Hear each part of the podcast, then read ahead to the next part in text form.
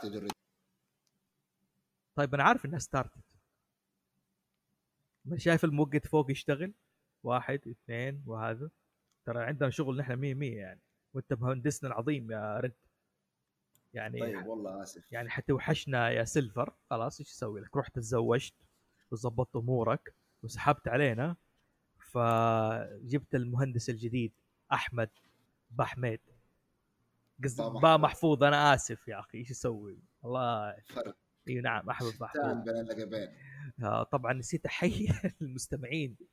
يا أهلا وسهلا. حياكم الله في حلقة جديدة من بودكاست هاوس زوفي الحلقة الخامسة.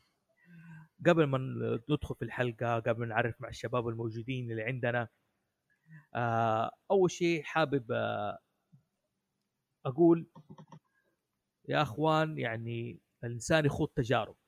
جم- حلو؟ من هنا ومن هنا مرة يجرب بودكاست جديد يسمع يشارك فيه يكون آه، ما يكون هو يكون هو الضيف ما يكون هو المضيف. وكانت تجربة بصراحة جديدة شوية واستفدت منها واستمتعت. هذه حاجة. ثاني شيء حاب أقول لكم تقدروا تستمعوا لنا في جميع منصات البودكاست بلا استثناء. سواء كانت SoundCloud Apple Podcast آه إيش في كمان يعني؟ ال- Podbean تلاقون موجودين فيها تلاقونا في في كثيرة يعني. Podeo. دقيقة حجي حتكلم على Podeo يعني. Deezer حتلاقونا مي... Stitcher إحنا موجودين فيها حتلاقينهم موجودين على اليوتيوب. ها, أنغامي. ها؟ أنغامي. حتكون موجودين برضو على أنغامي. آه كمان ال- اللهم في كمان بوت آه تطبيق اسمه بوديو. هذا تطبيق عربي آه للمستمعين العرب بحيث تدخل عليه وتلاقي جميع بودكاستات وشبكه هاوس زوفي وغيره من البودكاستات يعني. تقدر تستمعوا عليه من خلاله. طيب وبعد ما كذا خلصنا نقول حلقتنا اليوم حتكون بصراحة مميزة. مو مميزة عشان موضوعها ابدا. بصراحة مميزة عشان الضيوف اللي عندنا. هم حقيقة مو ضيوف هم أبطال وأصدقاء لي من زمان. يعني وأنا مبسوط إنه جمعت هذا الفريق في هذه الحلقة. بصراحة. يعني أنا أسميهم الأبطال أبطال الرعب في الثقافات الشعبية وعلى الشبكات الاجتماعية.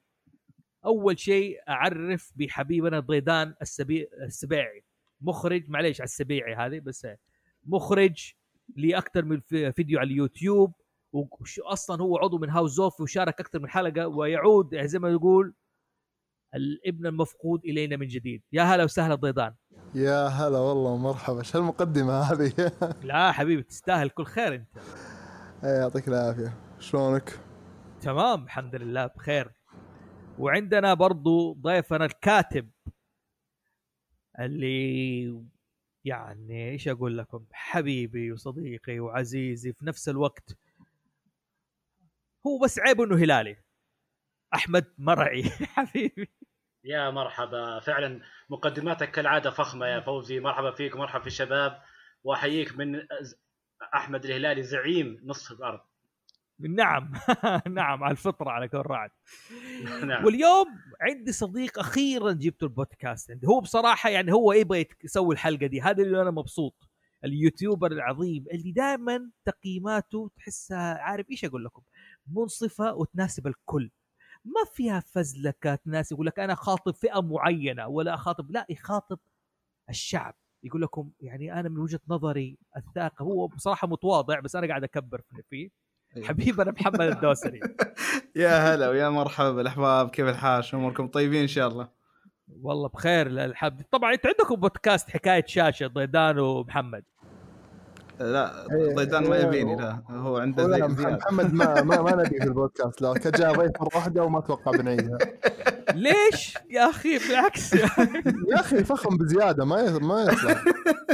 طيب تمام. لازم لازم لازم نخفف زياراته عشان يعني يشتاقون للجمهور. زين خلاص. طيب. آه بس أقول إنه يا بداية جماعة بداية بودكاست كل واحد يرفع في الثاني. إيه، لا لا؟ أتكلم جد والله شوفوا شوفوا أول شيء آه، ضيدان عنده قناة على اليوتيوب اسمها حكاية شاشة. شوفوا أعماله وقرروا لا تسيبكم مني أنا أنا خراط كبير. لكن شوفوا ضيدان وتقديم وكمان عندك قناة محمد الدوسري. محمد إيش اسم قناتك؟ إيه، فكرني اسمها داني بوكس. داني بوكس. يا داني بوكس. وشوفوها وقولوا هل أنا مبالغ في التقديم ده ولا لا؟ أحمد مرعي أكتبوا أنتم كتابات أحمد مرعي في ال- في الإنترنت وتطلع لكم. قحمد قحمد. قحمد. وكاتب أصلا هو عنده كتاب ما شاء الله. يعني ما فيعني ما, ما علينا نخش في الحلقة دي عشان إيش؟ لا نكبر روس الشباب وبعد كده تضيع الحلقة ويتكلموا على بودكاستهم ويسحبوا عليه. زي خلاص تمام. تمام؟ آه يعني شوفوا الحلقة دي إنه المرء يعو- يخوض عدة تجارب. من خلال التجارب يشعر بعدة مشاعر منها الشعور بالرعب. طب إيش هو الرعب؟ يعني ليش الرعب صار جزء من أشد الثقافات الشعبية؟ آه ليش صار عنصر مهم؟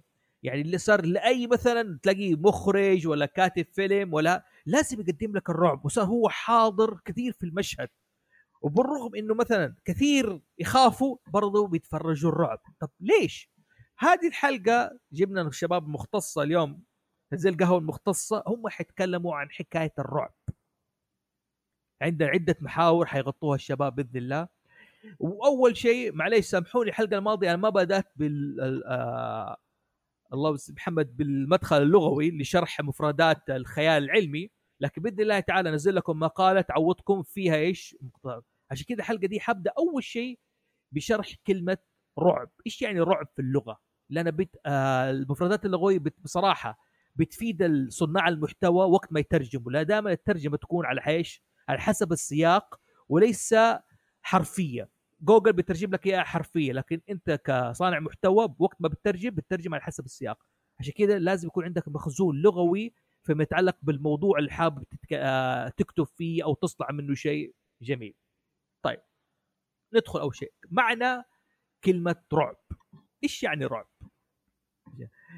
آه أنا اخترت من لسان العرب الرعب رعب الف... الفزع والخوف. وتقول رعب الوادي فهو راعب إذا امتلأ. إذا امتلأ بالماء ورعب السيل الوادي إذا ملأه. هذه أصل مفردة رعب. إيش رأيكم شباب في المفردة هذه؟ لما يقول لك الشيء ال- هو الفزع والخوف والشيء والوادي إذا امتلأ. هل تتوقعوا إنها معنى يدل شوية من اللغة كمرادفه لكلمة هورر؟ نبدأ بضيدان. اي لا شوف هو ال- المصطلح في مصطلحات مع الوقت آه تبدأ يعني تاخذ حصرية المعنى يعني زي رعب الحين ما أتوقع في أحد يقول رعب الوادي ولا ولا. بيقول امتلأ أو مصطلحات أخرى فخلاص انحصر كلمة رعب آه اللي هي ترجمتها بال بالإنجليزي اللي هي هورر آه. إي ف اللي هي اللي خلاص مجرد ما نقول الكلمة يطرى على بال الشخص الشيء هذا اللي هو ال- يعني له له حتى مرادفات عدة. وكل مرادفة يعني فيها تغيير بسيط يعني ما هي ما هي مرادفة تماما. زي جميل. مثلا فزع و وخوف اللي بالمناسبة ترى يعني مختلفين خاصة خوف ورعب. في اختلاف يعني كبير بينهم. ما هي نفس ما هي نفس الكلمة. لكن آه، كلها تعطي شعور مقارب شعور الخوف. شعور يعني آه، بيدخل فيه الرهبة يدخل فيه الهلع وال- والروعة والأمور هذه كلها. شايف أجل هذه توحي حكاية الشيء إذا امتلأ مثلا يعني الرعب هو امتلاء لهذه المشاعر سواء كان خوف فزع ذعر رعب جزع هلع فجع حتى روع. ولا لا؟ تت... ما تختلف معي يا حبيبي. اي هو ممكن ممكن إن يكون واحد مثلا يقول آه، يعني آه، بعض المصطلحات يقول روعت قلبي مثلا لما يكون تحس إن القلب خلاص امتلأ من روعه. حلو. ف أو من الخوف. فلكن أنا أقول انه مثلا في مصطلحات مع الوقت خلاص يعني آه تتخصص أو تكون لها معنى فريد. آه طبعا في كلمات واجد مثلا آه، لما لما تقولها ممكن أي شخص يفهمها مثلا مع بشكل مختلف أو ممكن حتى كسرة أو فتحة تغير معنى الكلمة تماما. لكن حلو، أنا حلو. أعتقد ان الرعب بشكل عام خلاص معروف بالمعنى اللي هو خلاص يعني. نتكلم عنه حاليا إيه. جميل طيب حلو شب آه حبيبي محمد عندك إضافة على كلمة رعب وش معناها؟ أم، يمكن ما هو آه، على الكلمة نفسها كثر ما. على المصطلحات المست- المستخدمة يعني لما تجيني جميل. وتقول لي ال- الفزع وات اللي أنت عددتهم هذول تقريبا تسعة ولا عشرة حلو هم فعلا درجات إيه يعني عرف حرفيا ال- الرعب أصلا آه، له خلينا نقول نوع من المقياس إن كيف ال- ال- الرعب أم، مرتبط أكثر شيء بأن مثلا كيف الفكرة تزرع في مخك آه، وكيف أنت تتعامل مع هذه الفكرة. شنو ال- ال- ال- ال- الت- التكتيك اللي أنت بتستعمله كنوع من الدفاع ضد هذه الفكرة؟ ومن خلالها إن مثلا الأساليب الدفاعية اللي بتستعملها هي خلينا نقول هي نوع من ال- من ال- المقياس هنا. فهنا. مثلا لما يجيك واحد خاف من فكرة فنقدر ممكن نقول إنه أوكي خلاص هذا هذا رعب. لكن واحد مثلا ما نام الليل بسبب هذه الفكرة فهذا وصل لمراحل من الهلع من ال آه، من ال ال الارتياب والارتباك ومن من هالقبيل يعني. والرهبة. إي والرهبة. جميل جميل. حلو. حبيبي مرعي عندك أي إضافة؟ لا ما شاء الله الشباب كفوا ووفوا لكن اللي أقدر أضيفه عليهم على كلامهم الممتاز إنه زي ما قال محمد الرعب درجة من الدرجات طبعا هو. شيء واحد لما يكون يخاف يخاف ويقول لك ارتعب الشيء يعني امتلأ يعني خلاص امتلأ من الخوف من الهلع من الفجعة من الفزعة فالرعب زي تقول كذا ممكن يكون أقصى حالات ال- ال- ال- الهلع والخوف جميل والفزع. يعني حتى يدل في معنى حديثنا بصح انه صرت بمسيرة إيش؟ على أداء بالرعب مدة شهر في الحديث المشهور. طيب جميل. آه حلو. الآن طيب فيك أنا حاب بس أشرح كم حاجة بس عشان توضح للناس الفكرة إنه المعاني هذه وإن كانت مترادفة ومتشابهة لكن أحيانا يكون فيها نوع من البلاغة. يعني مثلا زي كلمة فزع أوكي؟ يقول لك هو كشف عنه الخوف في اللغة. هذه من أحد ليش؟ وطبعا في آه، الخوف هو الفزع تعريفه في لسان العرب. لكن أنا وجدت في أحد كتب علم النفس القديمة حقت المدرسة آه، الكلية اللي أخذت منها مدخل علم النفس العام بيفع بيعرف ال- آه، هذا يقول لك انفعال يتول يتولد في المواقف الخطرة أو مواقف التهديد ويستجيب بالمثيرات ضوضاء شكل خ- آه، شكل غريب وربما يتحول الخوف إلى شيء رمزي بعد كذا خلاص. اي صحيح صحيح هو ينبع هو ينبع من غريزة ترى. يعني آه، يعني سبحان الله يعني الك- الكائن الحي آه، فيه غرائز آه، ثابتة. منها اللي هو اللي هو غريزة البقاء منها اللي اللي هو الخوف. لما يكون الشخص إيه، مثلا يشوف لأول مرة مثلا مثلا على سبيل المثال سيارة تمشي فبيشوفها وكذا وما ما عنده مشكلة معها. لكن لما يشوف السيارة هذه دعست شخص قدامه هنا لا. هنا موضوع مختلف تماما. نفس الكلام مثلا خ... خ... يعني يمكن سيارة مثلا حديث شوي لكن نتكلم مثلا عن حيوانات مثلا سابقا لما الإنسان يشوف حيوان معين. ممكن يشوف أسد ممكن يشوف آه، يعني آه، جاموس. مع إن الجاموس أكبر وكذا ممكن ما يدري لكن لما يشوف الأسد أكل الجاموس هنا لا. لحظة. هذا هو الشيء اللي آه يعني آه يفزع يكشف الخوف. خلاص وهنا صار في رمزية للخوف إن هذا الأسد ما نعامله مثل ما نعامل الجاموس يعني هذا شيء يعني ممكن الجاموس يجي ياكل حولنا كذا لكن هذا إذا شافنا ممكن يكون عنده ردة فعل مختلفة. نفس الكلام. بالاصوات العالية. يعني مثلا في أشياء طبعا تتورث يعني في جينات الإنسان وكذا. ان مثلا آه لما الشخص آه يسمع صوت عالي آه بشكل مفاجئ. يعني وفي أشياء مثلا لا مثلا تكتسب في حياة الشخص. مثلا زي صفارة الإنذار مثلا. صفارة الإنذار لو تجيب طفل يسمعها آه بيخاف. أيوه. بيخاف بيخاف مع إنه ما يعرف إيش الحرب إيش يعرف إيش إيش بيصير بعد السفر.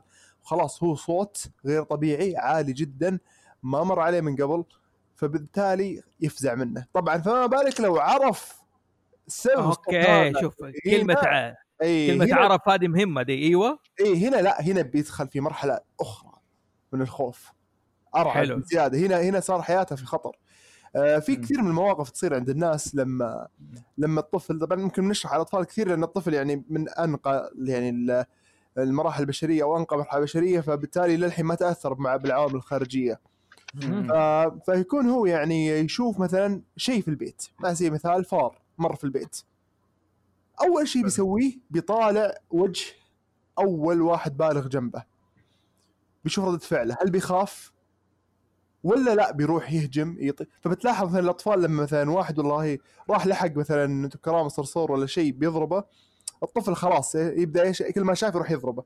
لكن لما يشوف البالغ يخاف ويصرخ ويهرب وكذا آه لحظة هنا في شيء هنا في شيء غلط. سبحان الله كذا غريزيا. أيوه. بيعرف بيعرف إن هذا الشيء آه، دام البالغ سوى كذا معناته إن هذا الشيء. قس عليها عادي يعني وانت رايح حلو جميل. في أحد شباب أحد يضيف على الكلام هذا ولا نكمل في المصطلحات عشان بس ناخذ فكرة؟ أيوه. هو كلام جميل اللي قاله فضان جميل جدا. وطبعا أضيف عليه إنه كل يقول لك علماء النفس يقولون كل ال- البشر عندهم الخوف أو المصطلح النفسي اللي هو فوبيا. لكن بعض الناس ما يدري إنه هذه الفوبيا عنده فتحتاج زي ما تقولون كذا لمحفز إنه يدري عنها. في. ناس ممكن يركبون الطيارات ما يخافون. لكن إذا جاء أحد وأعطاه تجربته المخيف في الطيران هنا الفوبيا عند الشخص الثاني تشتغل. فيبدأ إيش؟ يوقن إنه لا أي. الخوف من الطيران فعلا. ونفس الشيء المرتفعات. في ناس ما يدري عن المرتفعات صحيح. لكن لما يشوف المرتفعات هذه يبدأ يتحفز عنده عامل الفوبيا. وهنا عاد يجي دور الطب النفسي إنه يعالج الخوف هذا. خلاص زي ما قالوا عرف السبب. عرف. إيه، آه، أيوة. ممكن ممكن أضيف على كذا على السريع كذا قصة ضيف- شخصية ب... اي بما يخص الكلام اللي قاله أحمد آه، أنا شخصيا ما أخاف من الطيارات يعني على إني شفت أفلام إنه أوه والله تتكسر طيارات ولا تطيح ولا مدري شو ما ما, ما تخوفني ابدا لكن آه، يوم من الأيام سافرت مع أحد الأصدقاء اللي أصلا آه، درس طيران وقام يذكر لي بعض الآليات اللي تتخذ في. في الهبوط وال... والإقلاع وغيره من بعدها أذكر أربع خمس رحلات فعلا أنا يعني متوتر طول أيوة، الرحلة أيوة، أيوة. وماسك في عارف في الهندل اللي على جنب اللي انه لأن ما أدري خلق عندي نوع من الخوف لأن آه، بديت أحس بالخطر. أيوه عرفت. إي وصار إن صار إن عندي ما غ... يعني ما... آه، آه، هو أصلا من الأشياء اللي أيضا تقيس فيها ال- الخوف اللي هو إنه يكون ما عندك تحكم على الشيء. وفعلا أنا ما عندي تحكم.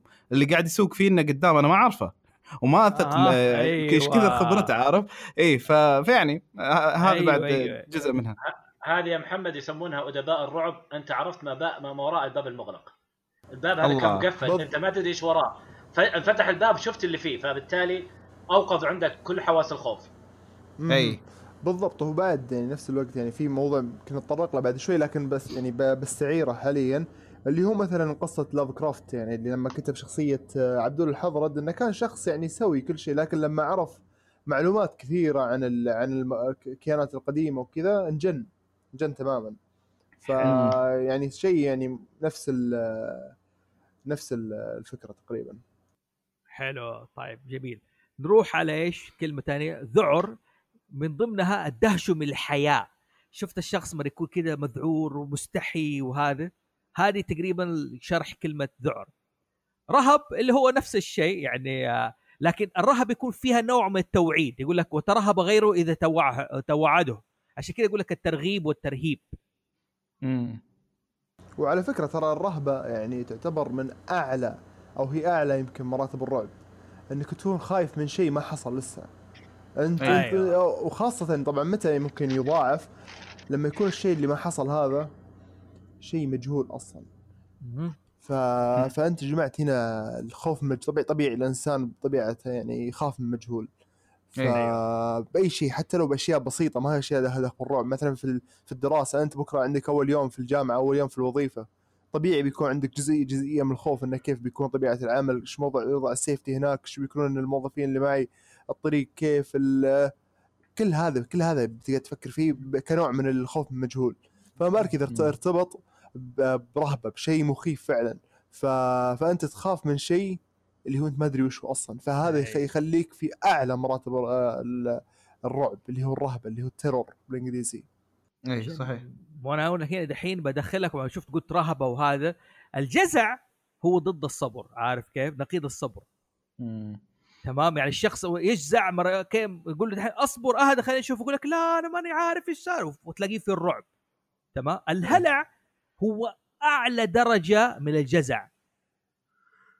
حلو. فهذا ب... طبعا هذا كله من لسان عربي إن شاء الله المقاله الملحق المقال حيكون فيه إيش المفردات هذه ومرجعها. تمام؟ آه الفجع يقول لك دائما يكون مربوط بالمصائب. يعني الشخص ينفجع لما تجيله مصيبة. أي. الفجيع رزي الموجع بما يكرم والفواجع المصائب المؤلمة التي تفجع. طبعا في هنا إضافة فوزي. روح أيوه يقول نعم في مثل عند أهل مكه مثل كلاسيكي. يقولون فجعه الذيب ولا قتله بمعنى فهمتها؟ مضبوط. يعني بمعنى أنك أنت إذا خوفت له آدمي أو خوفت الشيء بغض النظر إيش هو ما عاد بيقرب عليك أبد. بحيث إنه بيقعد طول الوقت طول الع- طول العمر مرعوب من الشيء هذا. إذا الذيب طبعا يفترس الإنسان. لكن إذا أنك أنت خوفت الذيب انتهى الموضوع ما بيقرب عليك أبد خلاص. فما في داعي تقتله لكن افجعه. حلو. وفي وفي وفي, بعد يعني آه، اللي يقول لك اللي يقرص من الحية يخاف من الحبل. أو أيوة. إيه فشيء يعني مشابه إنه خلاص مثلا عرف عرف آه، مستوى المصيبة اللي تستوي من وراء هذا الشيء. فبالتالي يعني خلاص يبدأ يخاف منه ولا عاد يجي مرة ثانية. على فكرة في بس شغلة لاحظتها في الدوام.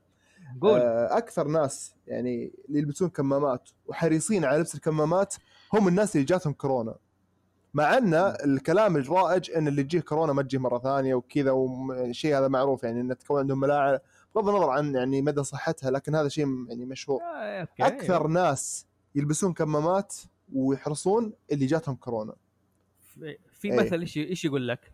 تلسع من الشوربة ينفخ في الزبادي اي هذا هو نفس. نفس اللي ينقرص من الحيه يخاف من الحبل. إيه بس. عارف أقول لك حاجة مضحكة؟ أنا إيش عارف؟ كنت احسب الزبادي أيوه. مو الروبة. الزبد أيوه. ما كنت احسب الزبديه قصده. ولا الطاسة. يعني الغربيه يسمونها الزبديه يا أخي عارف كيف؟ فجات في بالي عارف كيف؟ إنه ينفخ في, في الزبادي إنه آه، في ينفخ في الطاسة. مو في الروب نفسه يعني. زين يا جماعة ما يصير. أنتم كل واحد جهز له مثل أنا ما عندي مثل. انت مثلك الطيارة كفاية الله يرضى عليك. جبت له. خلاص كويس إني قلتها فتره كورونا فالواحد يعني إيه. ينسى إن شاء الله على فترك شوف. آه طيب كلمة روع. روع هذه من الكلمات العجيبة بصراحة. يقول لك أول شيء يقول لك كأنه إن آه أراد الإنذار بالموت. يعني يقول لك إذا شمض الإنسان في عرضيه فذلك الروع. كأنه أراد الإنذار بالموت على حديث ابن عباس. يقول لك كل شيء يروعكم منه جمال وكثرة تقول راعني فهو رائع. والروعة الفزعة. يعني عشان كذا مثلا واحد تلاقي إيش يقول لك؟ يقول لك يا الله روعة. يكون في نوع من الاندهاش أو عارف عارف يكون فيها زي الشهقة وزي كذا وهذا تيجي في الحالات الخوف وحالات إيش؟ يعني حتى الجمال. وكذا الانبهار. أيوه. أنا أتوقع إنها ممكن تقع في مو في موضوع يعني شيء مكثف ظهر لك في لحظة واحدة. يعني. مثلاً كمال زايد طلع لك في لمحة شيء مخيف بزيادة طلع لك في لحظة ما تدرج لك ما بنى لك طلع لك على طول سواء شيء إيجابي ولا سلبي. فيعني في عنصر مفاجأة فيه قوي جدا لكن ما هو بس عنصر مفاجأة مفاجأة ومعها الكمية كمية الشيء أو أو قوة الشيء. فجمع الف- الفجاءة وال أو الفجأة مع ال مع القوة. الانبهار والكذا. والصدمة مثل ما. قلت إنت يعني إنت أصبت لما قلت يعني إن الشهقة فعلا غالبا الشهقه ترتبط بهذا كله أيوه لا يعني آه، يا جماعة هذه الكلمات المفردات موجودة في لسان العرب يعني اللي حابب مثلا دائما يترجم أي شيء دائما يركز يعني يروح يقرأ يدور في المصطلحات مفردات إنت قبل ما تستعين بمترجم عشان تفهم وتقدر تترجم أي شيء على حسب السياق بلاش من ترجمه جوجل يعني. طبعا في مترجمين متخصصين هم أدرى بالترجمة وكذا لكن هذا ما يمنع الإنسان يتعلم ويحاول يفهم. يعني أنا بالنسبة لي من قرأت الكلمات هذه واليوم حضرت هذه الكلمات كانت مثلا زي دائما أقول إيش الفرق بين فزعة وخوفة؟ الفزع هو الكشف عن الخوف هذه كانت بالنسبة لي إيش؟ يعني بالنسبة لي أنا شخصيا فتح. جميل؟ مم. آه الرعب في اللغة الإنجليزية. أوكي؟ مم. يعني تترجم ب- ك- رعب مشهورة بإيش؟ هورر. هورر إيه. حلو. ترجمتها في, كل- في إكسفورد. an tense feeling of fear shock or disgust. مم. شعور حاد بالخوف. طبعا في ناس يقول شعور شديد. أو, أو ب- شعور حاد بالخوف أو الصدمة أو الاشمئزاز. هذه مم. إضافتهم.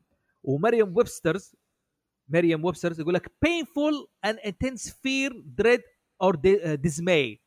خوف أو رهبة أو فزع مؤلم وشديد. مم. هذا كلمة ها- آه، في عندكم أي تعليق ولا نخش في المرادفات أم، ونمشي ها. شوف هو آه، هو هذا خلينا نقول اللي أنت ذكرته. آه، خلينا نقول أن ستيفن كينج أيوه. ال- الرواية المعروف انه فصلها أصلا إلى ثلاث يعني خلينا نقول درجات. جميل بس قبل ما ف- نخش هذه أنا بس إيه. هذه هذه لغويا تمام؟ اي لغوي. أوكي مو تمام. شرح نفسي أو شرح أدبي أو انت دخلت في شرح الأدب ادينا نورنا الله يرضى عليك علمنا. اي اي لأنه هو هو عنده الدرجات هم ثلاثة بالنسبة له لل- للرعب. حلو. فال disgust اللي هو ال- ال- ال- الإشمئزاز والتقزز من الأشياء ها كيف؟ gross out اي gross out اللي هو انه يعني حرفيا لما أنت تشوف مثلا حيوان مثلا زي العناكب أو حتى مثلا آه، دم بزيادة يتطشر هنا وهناك أو آه، مثلا إي إي أشياء اللي عموما إنها غير غير مريحة يعني بصريا انها آه، يعني تكون لحظية عادة يعني آه، ردة فعلك اتجاهها لحظية وخلاص يعني عادة إنك تنساها بينما الدرجة الثانية اللي هي اللي يعني قولبها على أساس إنها هورر. اللي هي انه شيء مخيف بحد ذاته. يعني سواء شيء يعني مثلا غير متو- متوقع إنك تشوفه بهذه الطريقة. لو أجيب لك مثلا سيارة بدل ما هي خلينا نقول مكعبة لا هي كروية. يعني كيف ممكن إنك تشوف سيارة تمشي في الشارع وهي بشكل كرة؟ ما أدري. كذا ت- محمد بس آه، إيه. يعني على بجزئيه الهورر هذا هي يعني يمكن آه، مثل ما قال محمد انه شيء آه، وجوده بحد ذاته شيء مخيف. فغالبا نقول إنه هو شيء غير طبيعي في عالم طبيعي. يعني أيوة. في مثال أنت شفت مثلا طفل يمشي آه، عندك في البيت يا فوزي في طفل يمشي على الأرض. أنت أمورك طيبة صح؟ تخيل. فجاه الطفل هذا قام يمشي على الجدار. أيوه. إيه أنت هنا أوكي انت دخلت في الهورر هذا الشيء يعني المفروض إنه ما يصير. خليني أشيك على الباب.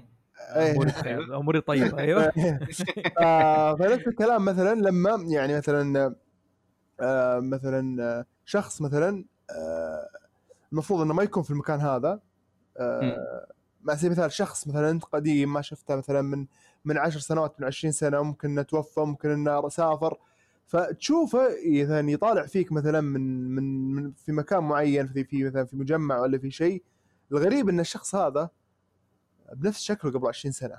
هنا أي شخص مثلا معك في الم- في المجمع مر بيشوف إنه شيء عادي.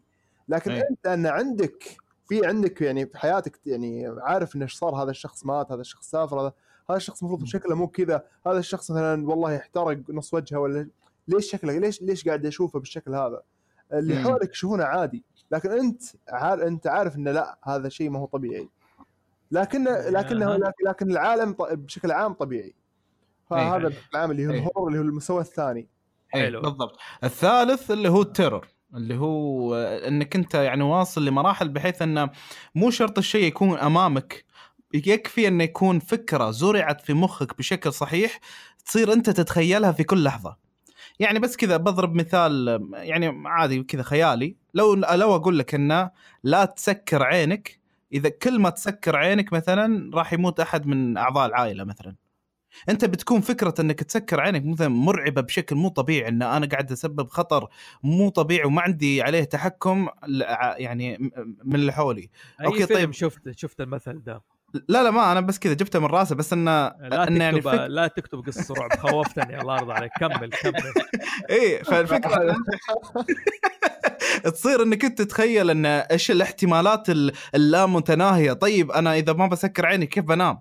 وهكذا يعني عرفت تصير تبني آه، يعني عليها كثير وفي أمثلة كثيرة طبعا للتيرور آه، ممكن مؤخرا صرنا نلاحظ حتى بالأفلام والمسلسلات صاروا يحاولون يح- يعني يخصصون أول 20 دقيقة لزراعة فكرة الرعب ومن ثم الخوض في الأحداث.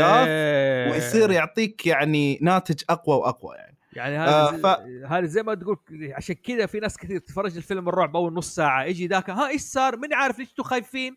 اي بالضبط. حلو حلو حلو. زين. آه، بس طبعا آه، أعيد لل- للنقطة اللي أنت ذكرتها. أيوه. أنت already ذكرت إن ال horror هو كذا كذا كذا. هو أنا أعتقد إن ستيفن كينج ما اللي سواه فقط إنه فكك كلمة الرعب إلى؟ ثلاث كلمات عشان fear تكون dread أكثر دقة. و dismay إي- فير آه، fear dread or dismay هذه الكلمة اللي جات في ميريام ويبسترز. هو قاموس أمريكي مو قاموس اكسبورت قاموس الإنجليزي. أي، الورم جميل. جميل وأيضا بعد نفس الترور آه، صار فيه يعني آه، آه، يعني طلع منه شيء انشهر يعني يعني في فترة بداية القرن الماضي أو منتصفه اللي هو يسمونه ال- الرعب الكوزموك هورر الرعب الكوني. هو اللي أي. طلع طبعا اتش بي لاف كرافت هذا عبارة عن شيء أشبه يعني هو هو- يعني هو يندرج تحت ال terror اللي يخليك تخاف من شيء آه خارج إرادتك خارج مقدرتك إنك تت يعني ت... شيء كوني شيء من برا. أتوقع يمكن آه، أحمد مرعي ممكن يضيف لنا فيها واجد الجزئية هذه ما سمعنا صوته من لا لا هو حيضيف. لأن حنخش في أنواع الخوف ودي- والرعب. حنخش. ودي, نفسي إنه يفصل هو بموضوع الرعب اللاف كرافتي هذا أو ال- أو ال cosmic horror هذا. أوكي. تبغى تقولها دحين مرعي ولا وقت ما نيجي نخش أنواع الخوف والرعب؟ قلنا ما ماشيين يعني. لا أ- أتوقع خلينا نقولها مع مع الأنواع أفضل. أوكي. بسجلها عندي. هنا عشان ما انساها شكرا أيوة، على. التنويه. أوكي حلو. جميل. تمام. أوكي. خليني أقول إيش المفرد آه، المف... هل عندك تعليق على كلام الشباب مرعي؟ لا لا ما شاء الله تبارك الله. كفوا ووفوا.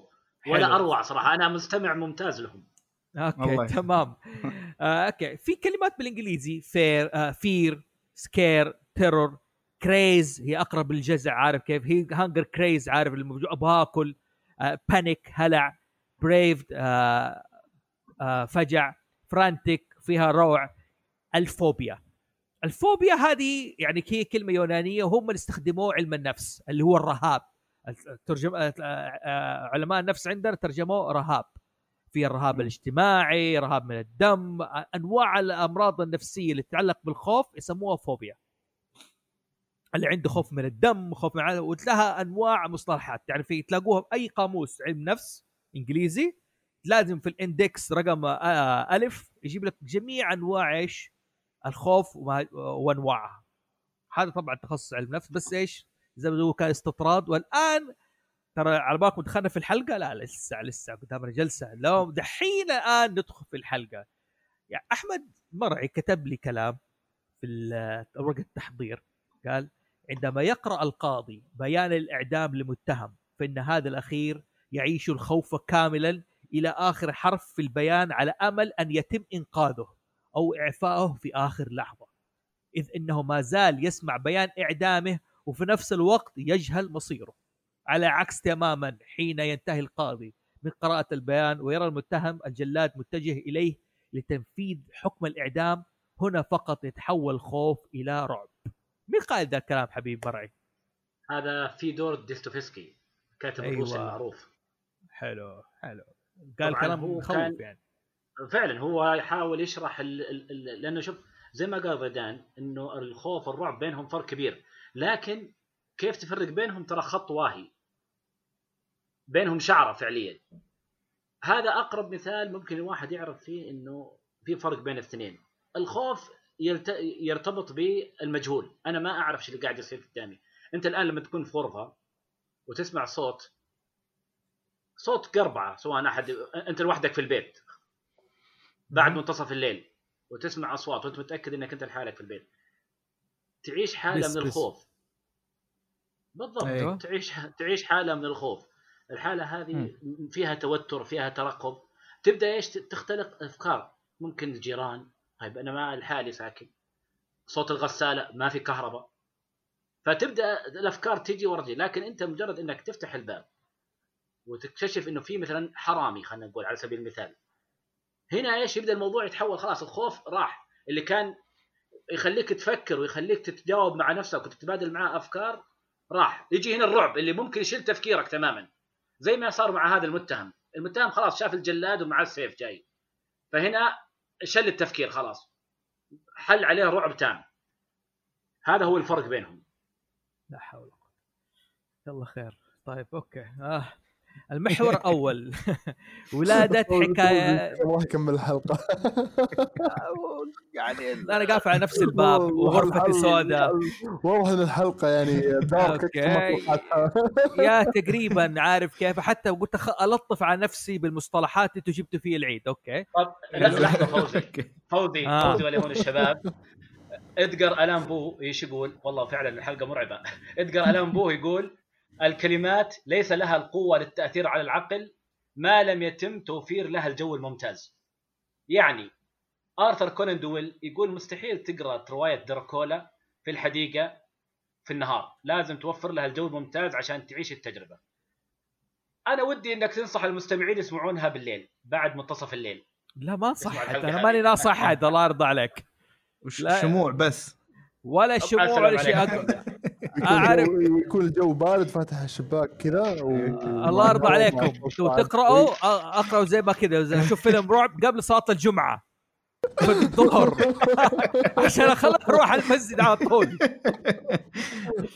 لا خلينا ندخل لسه في أول محور هذا اللي زايد الحين أول شيء عندي. محور ولادة حكايات الرعب في سنة بلا الصيف خير لما جعله خير ضيضان كيف ولدت حكايات الرعب؟ قل لي. طيب حلو. ال- يعني يمكن نكون أدق في الموضوع اللي هو بداية أدب الرعب. حلو حلو. إيه، بداية في- أدب الرعب. اي ف يعني الرعب موجود مع الإنسان يعني موجود من يوم هو موجود من زمان من القصة من ال من يعني الرعب موجود من زمان من زمان يعني من قديم الأزل. ف لكن اللي صار في في, في السنة هذه كانت آه، كانت عام 1816 يعني 316 حلو. 1816 يعني قبل آه، قرنين تقريبا. 204 سنوات تقريبا. حلو. آه، في بركان انفجر في إندونيسيا ويعني ورماد البركان حجب الشمس عن الأرض. فجات سنة ما فيها صيف. يعني سنة كاملة كانت باردة. فيعني أهل أهلك الحرث و... وتسبب مشاكل و... وتسبب بإعدام خيول لأن خاص ما ي... في ناس ما يقدرون يأكلون احصنتهم وعلى فكرة بالمناسبة بس شطحة سريعة كذا في هذيك السنة ترى اخترعوا السياكل فكانت آه، كان أول. اختراع إيه، السيكل ظهر ذيك السنة بسبب إن الخيول قامت تموت. ف... فزي ما أنت عارف يعني آه، وإحنا جربنا كلنا التجربة هذه قبل كم شهر آه، اللي هو موضوع الحجر المنزلي ف... فكان الموضوع قريب من موضوع الحجر ان أنت محجور لأن الجو برا ما تقدر تطلع خاصة في أوروبا. أنت ما تقدر برا ثلج طول الوقت يعني الناس متعودين ما يجي مارش كذا أبريل لا الدنيا تمام. لا هنا الوضع مستمر إلى أوغست الدنيا ثلج. ف... فزي ما قلنا قبل شوي تهيئ الجو ما تهيئ الجو. البرد معروف إنه هو مناخ أو أو هو يعني هو فصل الرعب. معروف يعني أتوقع إن ال- حتى يعني شوف مثلا عندنا الحين إحنا الحين في نهاية أكتوبر خلاص بداية الشتاء. أه، حتى الأيام هذه بعد في في مناسبات يعني بنرجع لها بعد شوي تتعلق بالرعب أه، عالميا يعني. أه، وتلاحظ حتى مثلا في قصص البر وقصص لما الواحد يبدأ إيش يقول قصص مرعبة وكذا بالعادة تكون في الشتاء وحول ال- حول يعني شابين نار قاعدين مم. ويتناقلون فال- فالبرد يعني الشعور البارد أصلا عموما معروف إنه دائما الشعور البارد آه يعني فيه فيه شوي لمسة كئيبة لمسة لمسة من هذا من هذا القبيل. فهذيك السنة آه، طلعت لنا تقريبا ثلاث روايات مرعبة. أوف. إيه. آه طبعا هي ما طلعت في نفس السنة لكن بد- بدأ العمل عليها في هذيك السنة. مم. ف...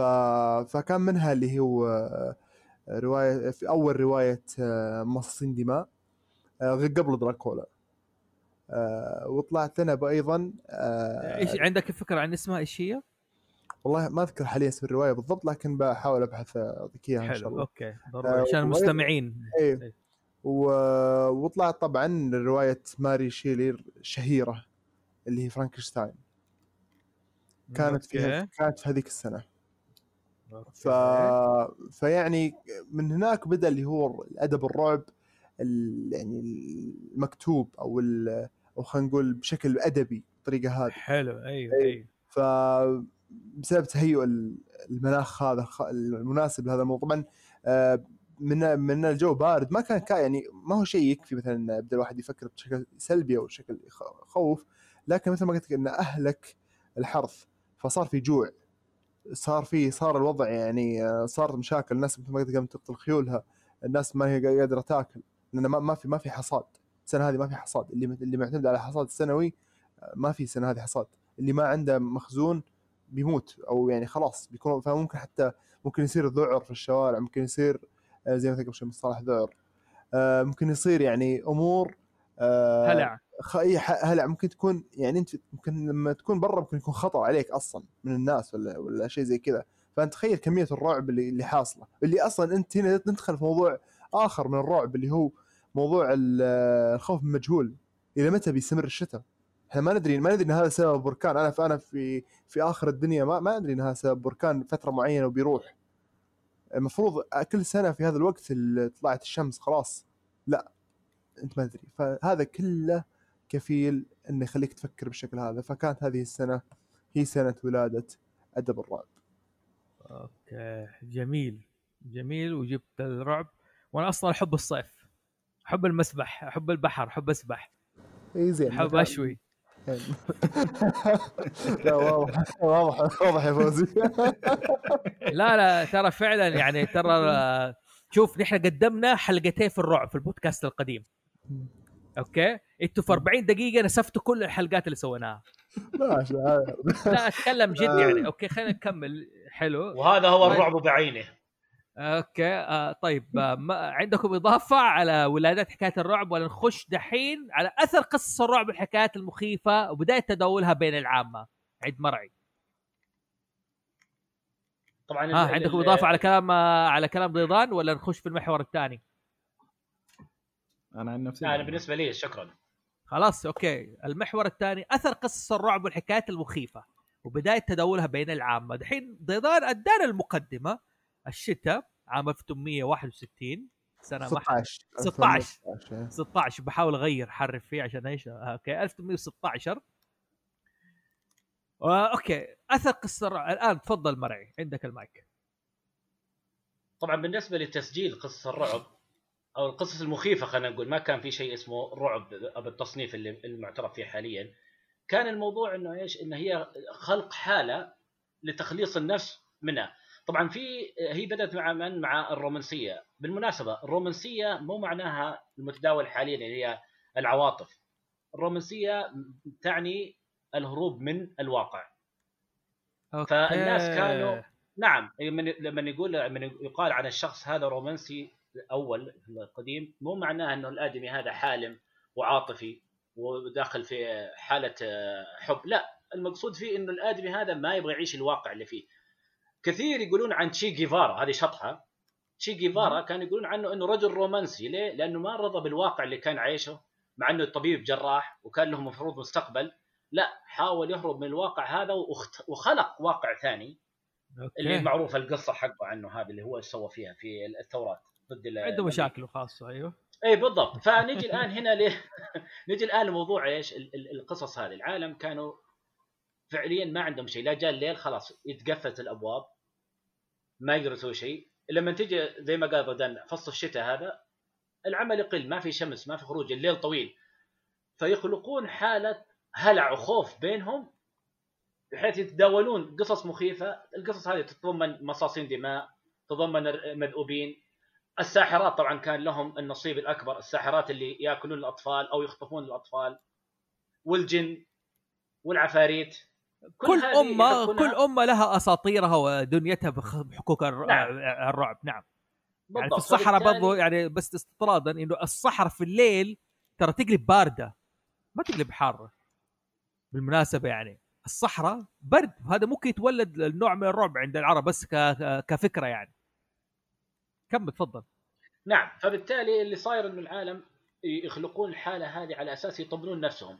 يبدأ يتكلم إنه في برا البيت هذا أو برا القرية هذه في ساحرات وفي مذؤوبين وفي وحوش غريبة. أول ما يخلصون القصة يناظرون في بعض أوه إحنا الحمد لله مبسوطين جالسين في الدفا هنا متجمعين أحبابنا حولنا أهالينا حولنا. هذه يسمونها في الأدب الحديث الإحلال. ما؟ أو ال replacement. المقصود فيها إنه يقال في السبعينات ليش انتشرت قصص أو أفلام اللي هي slasher؟ اللي هي أفلام الرعب المعوي اللي تعتمد على الذبح والتقطيع. وقت ما جات السبعينات كان في نوعا ما انحلال أخلاقي اختلف عن الستينات. فالآباء هذاك الوقت كان يقولون أنا أتفرج فيلم رعب ليه؟ لأنه مهما وصلت الحالة أنا مستحيل يكون يعني يعتدي على أهلي مذؤوب ولا يعتدي على أهلي سفاح. ممكن يجي أحد يخطف البنت ممكن أحد يجي يخطف الأم لكن مستحيل توصل المرحلة هذه. فهو إيش؟ يخلق حالة إنه يوصل لأقصى حالات الخوف والرعب في النهاية يرجع يقول لا أنا وضع طبيعي الوضع سليم مستحيل أوصل هذا يعني يوصل يبغى يدخل التجربة لآخر شيء يبغى يدخل الوادي يبغى يوصل للحافة يناظر الحافة ويرجع. بالمناسبة يعني على سيرة من علاج علم النفس حق رهاب الطيران وزي كذا يدخلوك حالة طيران المتخصصين يدخلوك في السيميليتر ويجلسوك وكانك طيارة ويعيشك كل التجارب يقول لك طب أنت ليش خايف؟ أنت ليش مدري تطلع كل البلوى اللي عندك. جميل كمل. مرة. فبالتالي صار إيش؟ صارت ال- ال- ال- القصة الرعب هذه لها لها مذاقها لها رونقها بين الناس. لكن لا زالت إيش؟ لا زالت كلها حكايات بين ال- شعبية بين العامة. وعلى طبعا فكرة اللي صار تفضل. لا لا لا، كمل كمل تفضل. لا لا تفضل تفضل قول. لا لا اسمع اسمع هلا خلي خلص عشان ما بطول. إيه. ال- اللي صار إنه الوقت هذا القرن الثامن القرن الثامن عشر اللي هو طبعا شهد ولادة اللي هي قصة ماري شيلي عام 1818 جات القصة بعد الرعب بلا شتاء اللي ذكره ضيدان الناس هنا بدأوا ينتبهون لهذا الرعب اللي النوع اللي هو ال- ال- القوطي اللي هو يكون خليط ما بين الرومانسي والقلاع المسكونة والقلاع القديمة واللي تتسم بالحضارة الأوروبية. هذا يسموه طبعا Gothic اللي هو نسبة إلى الهندسة المعمارية القوطية ذاك الوقت. حلو. فانتبهوا القصة كتبها واحد إنجليزي اسمه هوراس والبول عام 1764 القصة كان اسمها قلعة أوترانتو. طبعا هذه أول رواية قوطية. العالم وقتها لما طلعت okay. القصة ما انتبهوا لها ما يعني ما ألقوا لها بال. لكن لما بدأت جت قصة ماري شيلي وانتشرت ونجحت رجعوا العالم للقصة حق ها- هاراس والبول الإنجليزي. ومن بعدها بدأ شيء اسمه آه. الرعب القوطي. حلو حلو. أنا هنا بس في استطراد بس بسيط كذا لي كاتب ولد عم. فاكر قلت ألكسندر دوما إيش نصح مين؟ جوليس فيرن؟ قال له أكتب اي اكتب قال له اكتب لا توقف ولا- اكتب. ولا تلتفت للنقد. أيوه اكتب. وأنا أقول للناس اكتبوا. هنا هذا شوف كذا الناس حترجع لك في النهاية. اكتب. مهما كان اكتب لا توقف. حلو. طيب آه، مرة انت كذا انتهيت عند ضيضان استطراد أو دخل إيه، دخل آه، مداخله اي لأن نفس الكلام يعني من أسباب قصص الرعب. آه شيء سبب آه آخر وهو أيضا بعد بحث عن أمان. آه في أشياء دائما على قولتهم في الخارج في أشياء مخيفة. خارج البيت وكذا. لكن ما توصل مرحلة انه ممكن الطفل يخاف. ف في يعني يحبكون قصص شخصيات ويبدون يخوفون الأطفال خوفا عليهم من الخطر الحقيقي اللي ممكن ما يخاف منه الطفل. فيألفون له شخصيات يعني زي مثلا عندنا مثلا يعني في ام الصبيان آه، سحيلة آه مستعف والليف والسوالف هذه. ف... فيبدون يخوفونهم عشان ما يطلعون. وطبعا هذا الشخص... الشخصيات هذه ما هي موجودة. لكن هم ليش يقولون كذا؟ عشان مثلا ما يطلعون مثلا تصيدهم ضربة شمس أحد يخطفهم يصير شيء معين يروحون البحر يغرقون مثلا في البحر الأمور هذه كلها. يا عمي في خوف البذوره في أوروبا. على قال نحن زي كذا. أقصى حد الطير الأخضر أمي كانت تخوفني كان يقول لي كل شيء. أوروبا يخوفوا خوف مرعبة. كمل.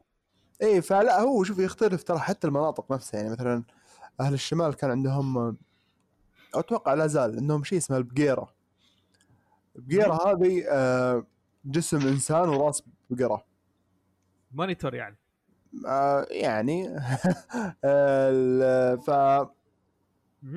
الفكرة إيش؟ إن إن سمعت حتى حتى قصه من واحد من الشمال في الحدود الشمالية يقول آه، أحيانا يجيبون شخص فعلا يلبس اللبس هذا. okay. هنا- يتفقون يتفقون, يتفقون معه. فيأخذون عيالهم يودونه يخلونه يش- يشوفه.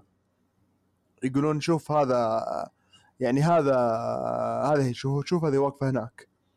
فهنا لا خلاص يعني شاف و- ويعني بنفسه خلاص يمشي. طبعا أنا أول ما سمعت القصة منه قلت أوكي ما أدري ترددت اقولها ما أقولها. أنا ممكن يجي أحد يقول لا ما نسوي كذا. فممكن ممكن مناطق معينة أماكن معينة يسوونها. لكن أنا- آه، إي أنا أقول لك بس ف لا لا أنا ف- بس بقول لك حاجة يعني إضافة على كلام قلت أوروبا إيش كانت تسوي؟ حلو. كانت عشان الاطفال مشاغبين إيش تقول لهم؟ تقول لهم حجيكم تشيلكم أمكم الغولة. تمام؟ في أوروبا.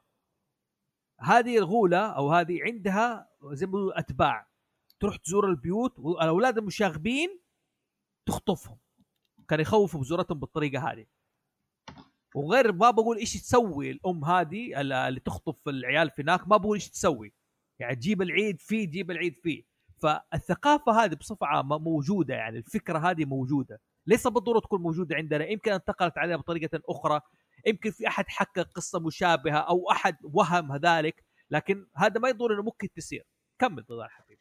إيه أنا أشوفها يعني ممكن هي بغض النظر عنها مثلا ممكن تسبب عقدة ولا لا ولا شيء لكن هي عموما هي فعالة الطريقة. انه خلاص إنك تخوف الطفل من شيء معين في الشارع فما يروحون. على فكرة كان في كرامة في دورات المياه في أحد المدارس آه، في آه، رأس النورة. ما أدري إذا هذه منتشرة في في أماكن ثانية ولا لا. لكن آه، عندهم أسطورة يسمونها اليد الحمراء. اليد الحمراء هذه يد تطلع انت كرامه من البلوعه داخل وتسحب الشخص اللي يجي فوق اللي يدخل الحمام يعني. تسحبه وتدخله داخل خلاص يختفي. فليش طلعت الأسطورة هذه؟ عشان الطلاب اللي الطلاب والطالبات اللي بس ياخذون ذهاب الحمام عذر إنهم يطلعون من الحصة. يا سلام. ف... إيه ف... فحتى أعرف أحد الأقارب يعني يا عمي انت آه سوى حركة يعني راح اشترى قفاز أحمر وحطه. سوى حركة يعني لا يا أخي أنت فكرتني بأيام الجنية حقت المدرسة معروف آه آه في الدجيله اللي تتزوج العيال. عارف كريت تقول تتزوج البك البكريين. لا لا أي أحد في الشارع تشوفه تاخذه تتزوج اي هذه هذه تقريبا زي سحيل okay؟ عموما في أيوه أيوه في في شخصيات. لا كرهونا عارف يعني في الزواج من قبل عارف آه حجيك الدجيله إيه okay. لا لا هو عموما ترى ترى في شخصيات موجودة في كل المناطق حتى في أوروبا تحصلها موجودة نفس الشخصية. مثلا سحيل الدنجيرة هذا. ف تحصل في فرق بسيط في السمات. ممكن بالشكل ممكن على بيئة المكان ممكن ممكن ممكن. فلكن تحصل إنه في تشابه. ما أدري إذا أحمد مره تكلمت مع أحمد مرعي عن موضوع السحيله و... و... والدنجيرة وهذا. في واحدة في أوروبا قال لي عنها قبل ما أدري إذا يذكرها ولا لا. المرادف لها في أوروبا. شوف. مرعي ما أدري مرعي معنا ولا؟ معكم بس انقطع الصوت تعيد بس السؤال الله يعافيك. أقول مرادف مرادف سحيلة عند عند الأوروبيين. لاميا لاميا ها؟ وش لاميا وش صفاتها؟ لاميا هذه اللي هي طبعا مأخوذة من أسطورة إغريقية. اللي هي ملكة كانت ملكة اسمها ليبيا المنطقة اللي فيها. طبعا هذه زوس تزوجها اللي هي ملكة هذه اسمها لاميا. فلما تزوجها زوس درت عنه حيرة. فغصبته إنه يتركها وفي نفس الوقت عاقبت حيرة عاقبت لاميا إنها خلع خلعت عيونها. ها شالت عيونها. اي شالت عيونها خلعت عيونها. فصارت لاميا ما تقدر تنام. أو بالأحرى مو ما تقدر تنام عفوا ما تقدر تشوف أطفالها. فسمح لها فصارت إيش؟ صارت تخطف الأطفال وتأكلهم. انتقاما إيش؟ من من من الجميع. فزوس عطفا عليها قال لها خلاص إذا تبغى تشوفي أطفالك أنا أرجع لك عيونك أركب لك إياها. لكن أخليك تشوفي أطفالك وترجع عشان إيش؟ بس ما تاكل أطفال ثانيين. فصار زي ما تقول كذا إيش؟ المرادف للعجوز اللي تخطف الأطفال.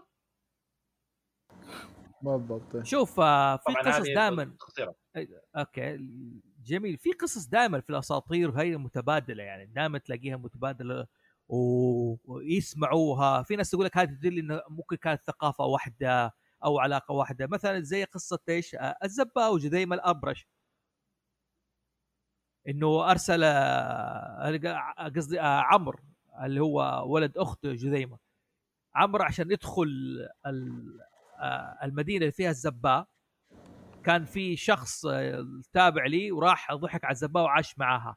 فاضطر يدخل قصير قصير قصير. قصير إيوه قصير. فدخل كيف دخلت هذا كيف القصير دخل جيش عمرو المدينة؟ مع البضاعة. مع البضاعة. زي حقون علي بابا متخبيين زي كذا زي كأنه حصان طروادة. أي نعم. يعني فهي دائما موجودة هنا وهناك. ما علينا نكمل دحين. نكمل الموضوع طيب حلو. آه، أخذنا شوية أثر قصة الرعب. okay. نشأت ثقافة الرعب وأصل عيد الهالوين. بالمناسبة قبل ما أحمد يدخل نحن في هاوس زوفي سوينا حلقة خاصة عن الهالوين. تلاقوها في البودكاست القديم. بالتفصيل الممل. تفضل أحمد. يوم القديسين. أو الهالوين طبعا هو احتفال سنوي. يصير في 31 من أكتوبر. كل سنة. مهم. طبعا هو هو كاحتفال صار عليه طابع أمريكي بحكم العولمة وانتشار الثقافة الأمريكية. لكن الاحتفال بال- بالقديسين طبعا هو مصدره حسب المشاع إنه أساسا جاي ونبع من الدول اللي كانت تتكلم باللغة الكلتية. اللغة الكلتية كانت تتكلم فيها دول هي اسكتلندا إيرلندا ويلز وجزر آيل أوف مان وغيرهم. طبعا هذا كلام فوق ال 2000 سنه الاحتفال وثني. كان معمول به يعني يصير في هذا اليوم بالضبط كطقس إنه القبائل الكلتيه القديمة شو تسوي؟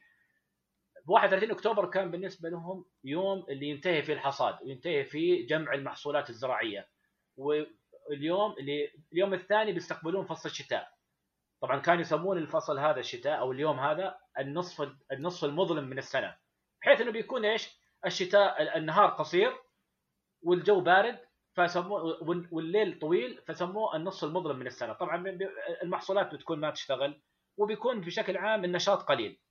فيحتفلون بهذه الليلة يجيبون إيش؟ يجيبون عجلة كبيرة من القش ومواد قابلة للاشتعال. ويجوا منهم القساوسة أو الكهنة وثنيين طبعا هم. أو مو قساوسة الكهنه خلينا نقول ال- ال- الزعماء في الدين هذا. اسمه العيد هذا اسمه سوين. بالإنجليزي طبعا ينطق سوين بس كتابته مختلفة لأنه اللغة الكلتية. okay. فيجون نعم طبعا سوين هذا هو إله وثني عند الكلتيين اللي هو إله إله إله الحصاد عندهم. حلو. فسموا العيد هذا باسم سوين. ال- ال- الرجال الرجال الرجال الكبار الرجال الوثنيين كانوا يجيبون العجلة هذه اللي ذكرناها ويحطونها على شكل دائرة عجلة كبيرة على شكل دائرة عشان إيش ترمز للشمس ويولعون يولعوا فيها النار. طبعا في نفس الوقت كان في مفهوم أو معتقد دائر هذاك الوقت إنه يوم 31 أكتوبر هذا اليوم يمتزج فيه العالم حق البشر مع عالم الأرواح. بحيث إن. الحواجز الحواجز الفيزيائية ما بين العالمين تتلاشى. ويصير إيش؟ ممكن أي أحد يقابل الأرواح الثانيين. ممكن أحد يقابل واحد ميت أو ممكن ميت يعيش وسط ال- البشر طبيعيين. طبعا هذا في اعتقادهم في النهايه هم. وثنيين. بعد ما حلو. إي نعم بعد من ضمن الطقوس في هذا الاحتفال إنه الناس كانوا يلبسون لبس مختلف كليا عن اللبس المعتاد. يا يتنكرون بشيء طويل ليه؟ يقول لك بعضهم ممكن نخاف من ناس ماتوا زعلانين علينا فخلنا نتخبى منهم. يلبسون أقنعة يلبسون لبس طويل. أيوه. وتبدأ الاحتفال إنه إيش يجون هذول الكهنة ويحرقوا العجلة دي ويصير كذا احتفال يغنون فيه ترانيم معينة.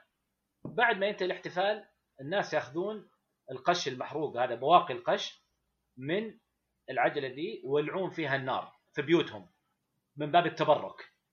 okay. واستمرت العادة هذه احتفال اسمه إيش؟ احتفال All Hallow Evening hallow أها. بالاسكتلنديه معناها قديس. okay. hallow عفوا hallow. All Hallow Evening. طبعا مع الوقت صارت هالوين لأنه الاسكتلنديين ما يقولوا evening يقولوا even أها. ولما أها. انتشرت الكلمة كلمة even صعبة على الانطاق hallow even صعبة نوعا ما. فصارت إيش؟ هالوين هو دائما الناس أصلا تميل للتسهيل يعني أو دائما للتخفيف في الكلام وهذا. صحيح. اي نعم. إيه اللي صار طيب. إنه أيوة. القرن القرن الثامن. في القرن الثامن كان في البابا جيروجي الثالث جيرو جيرجوري جيرجوري عفوا. قرر إنه يخلي يوم 1 نوفمبر يوم تكريم القديسين في الديانة المسيحية طبعا. أها أيوه day of the أيوه. لما جاء وقرر قرر إنه يخلي 1 نوفمبر هذا يوم القديسين اللي هي والليلة اللي قبلها سماها يوم كل القديسين. أها. اللي هي كانت اللي هي كانت توافق إيش؟ كانت توافق من عيد الهالوين اللي عند ال- ال- الكلتيين. okay. مع الوقت مع الوقت وصلنا للقرن ال 12 وال 14 وال 16 بدأت العادات إيش؟ تندمج مع بعض. فالناس إيش؟ نسوا يوم 1 نوفمبر اللي هو تكريم الدين الحقيقي وصاروا. يحتفلوا بيوم 31 أكتوبر. وعادة التنكر هي اللي اشتهرت بحيث إنه إيش الناس صاروا من باب إنه العادة القديمة كانوا العالم يتنكرون خو- خوفا من الأموات أو الأرواح الثانية صاروا الناس يتنكرون بلبس ثاني. هذا اللي صاير حاليا. طبعا حكاية إيش؟ جات حكاية اللي هي ال- ال- ال- النحت على تمرات اليقطين اللي هو يسمونها بامكن طبعا أيوه. هذه عادة جديدة دخيلة. وطبعا أهم شيء عادة جات اللي هي حق توزيع الحلويات على الأطفال. طبعا توزيع الحلويات هذه كانت إيش؟ لأنه زمان كانوا لما يجون ال- إيش يسووا الأهالي في العادة الوثنية لما يقفلوا أبوابهم كانوا يحطوا بواقي الأكل في الاحتفال برا عشان إيش؟ يقول لك الأموات لا جو يأخذوا الأكل ويمشون ما يأذونه فتحورت من الأكل إلى الحلويات. هذا باختصار هذا باختصار حكاية أو أصل عيد القديسين أو الهالوين. اللي صاير حلو. أنا أنا أعرف المكسيكان يحتفلوا ب 1 نوفمبر هو إيش؟ اللي يسموه ديا de Muertos the day of the dead مضبوط أو 1 نوفمبر 2 نوفمبر. هذا احتفال طبعا وثني جاي من ال ال ما أدري بالضبط هو الازتك أو المايا ماني عارف بالضبط.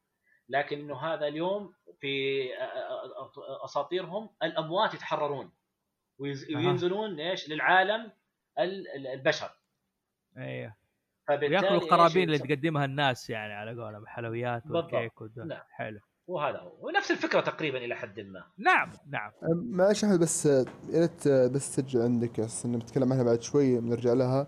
آه، لأن كنت أخبر فيها اللي هو موضوع اللي ال- الموضوع اللي عند اليابانيين الموازي اللي هو في شهر في شهر أوغست اللي هو أرواح الموتى اللي هي الريكون يسمونها الريكون. لما لما ت- لما تزورهم في شهر أوغست. آه، ومنها عاد تطلع إيش الأمور الثانية اللي فيه؟ اليوري واليوكاي والأبومي وال- وهذه. بس نرجع لها بعد شوي إن شاء الله لما نوصل للرعب الياباني والأمور هذه. بس. إنها هي فيها ربط بان بأن في مناسبة للموتى وكذا. حلو. نعم. حلو. هذه ما حننساها. طيب. أوكي عوامل تأصيل الرعب والخوف البيئة والجغرافيا. محمد الدوسري قل لي إيش عوامل تأصيل الرعب والخوف؟ البيئة والجغرافيا إيش هذا الدين. آه، م- م- يعني من أي ناحية بالضبط؟ طيب يعني أنت الحين كيف نحن نأصل الرعب والخوف؟ يعني البيئة والجغرافيا أثر البيئة والجغرافيا في تأصيل الخوف في نفس الإنسان يعني أوكي. مثلا العرب إيه. بيئتهم صحراوية ال- إيه، الاسكتلندي ليش آه، مستنقعات؟ جميل تفضل. إيه إيه، آه، هي هي بالأخير ترى يعني خلينا نقول ترجع للمعتقدات وأيضا للأشياء اللي إحنا آه، فعلا ممكن إنها تخوفنا. فيعني مثلا لو تجيب آه، شخص أمريكي مثلا أو خلينا نقول آه، عموما أجنبي يعني ما أبغى أحدد آه، جنسية معينة ولو تجيبه وتجلسه معانا في الجلسات اللي نتكلم فيها مثلا عن الجن والعفاريت وكذا مو بالضرورة أن تأثير هذه القصص تكون عليه نفس ما هي تكون علينا. آه هذا يرجع لأن إحنا مثلا عندنا أشياء اوريدي بانينها وصور نمطية آه تكونت معنا مع الوقت. فكونت عندنا رعب تجاه هذه الأمور يعني وه- وه- وهكذا قس عليها مثلا اللي هو سواء في الشرق أو الغرب أو ايا كان طيب. إي هذا بعد ترى مثلا خلينا نقول يرجع أيضا حتى مثلا وقت صناعة الأفلام خلينا نقول يعني بس بس بميل شوي لا لا روح روح أيوه روح. ما عندك مشكلة آه، يعني الحين انت لو تشوف ال- الأفلام اللي تنتج مثلا في الشرق غير اللي تنتج تماما آه، في أمريكا و... والأوروبيين بعد لهم جوهم الخاص. فيعني في الشرق آه، تلقى دائما يميلون ل يعني إخراج الحالة النفسية حقت ال- ال- الشخصيات ومن خلالها يكون آه، عنصر الرعب.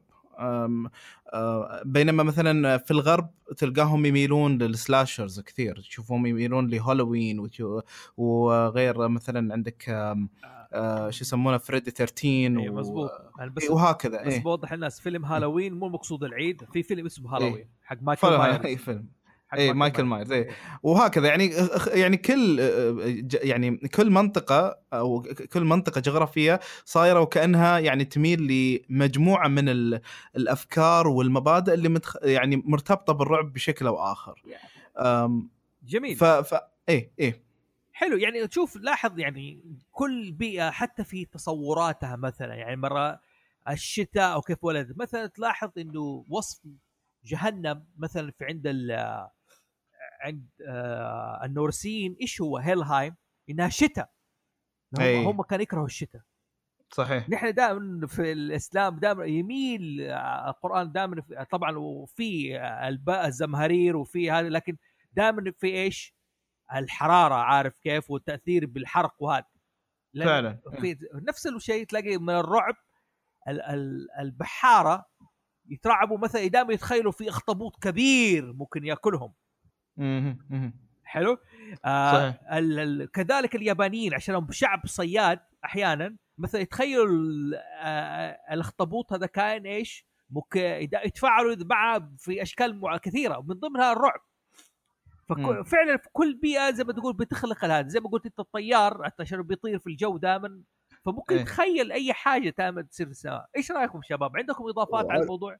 إي صحيح. ال- هو أحيانا في نفس البلد يكون في مناطق مختلفة وكل منطقة ممكن رعب عندها مختلف. يعني على سبيل. المثال مثلا عندنا في السعودية مثلا. شوف مثلا الرعب عند أهل الجنوب يختلف عن مثلا أهل نجد مثلا أو يختلف مثلا عن أهل مثلا الشرقية آه، أو أهل الحجاز اللي عندهم بحر. فبتلاحظ مثلا آه، في بعض الاشياء مثلا عند أهل الجنوب مثلا يقول لك الوادي ما الوادي وكذا لأنهم مثلا جبال. ف فكثير من الأمور مثلا اللي يسمعونها وتحصل لهم في في الوديان مثلا أو آه، في أوقات معينة. اللي يكون فيها مثلا تعرف عندهم أمطار أكثر. ف...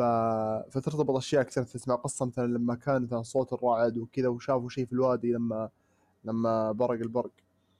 فبالتالي مثلا عند القصة البحاره أول مثلا في الشرقية اللي كانوا يسافرون يعني قبل قبل 100 سنة وأكثر كانوا يروحون مثلا الهند ويرجعون وكذا فكانت تصير لهم مواقف في البحر. كانوا مثلا آه، يحذرون مثلا أسماك ال- القرش مثلا على سبيل المثال. وكان مثلا لا عندهم إنه شيء مثلا لا لازم ننتبه له يعني. هذا الشيء مثلا خطر. فبالتالي حتى مثلا حتى ب حتى مثلا في تسمياتهم مثلا إذا بيسمون مثلا شخص آه يعني آه. له قوة ولا له شيء يشبهونه بشيء مثلا من من البيئة نفسها أديك حاجة مثلا إيه. يعني زي في The Witcher استطراد دائما. يتخيلوا نهاية العالم بشيء اسمه the frost عارف كيف اللي يجي وهذه مبنية على الثقافة الأوروبية الشتاء إيش دائما يعمل فيهم وهذا ممكن يعزز موضوع يعزز موضوع اللي هو مثلا حق السنة بلا شتاء السنة بلا صيف. أيوه أيوه نعم. فعليا فعليا في ناس واجد لما يوم تجيهم أفكار إنه إيش اللي قاعد يصير الحين. وهذا بعدين يدخل في موضوع ثاني مثلا لما نتكلم مثلا باللغوية مثلا لما واحد يقول مثلا أثلجت صدري warm my heart إيه. شوف الفرق سبحان الله يا أخي. إيه. ش- فيعني تفرق. اسلام محمد؟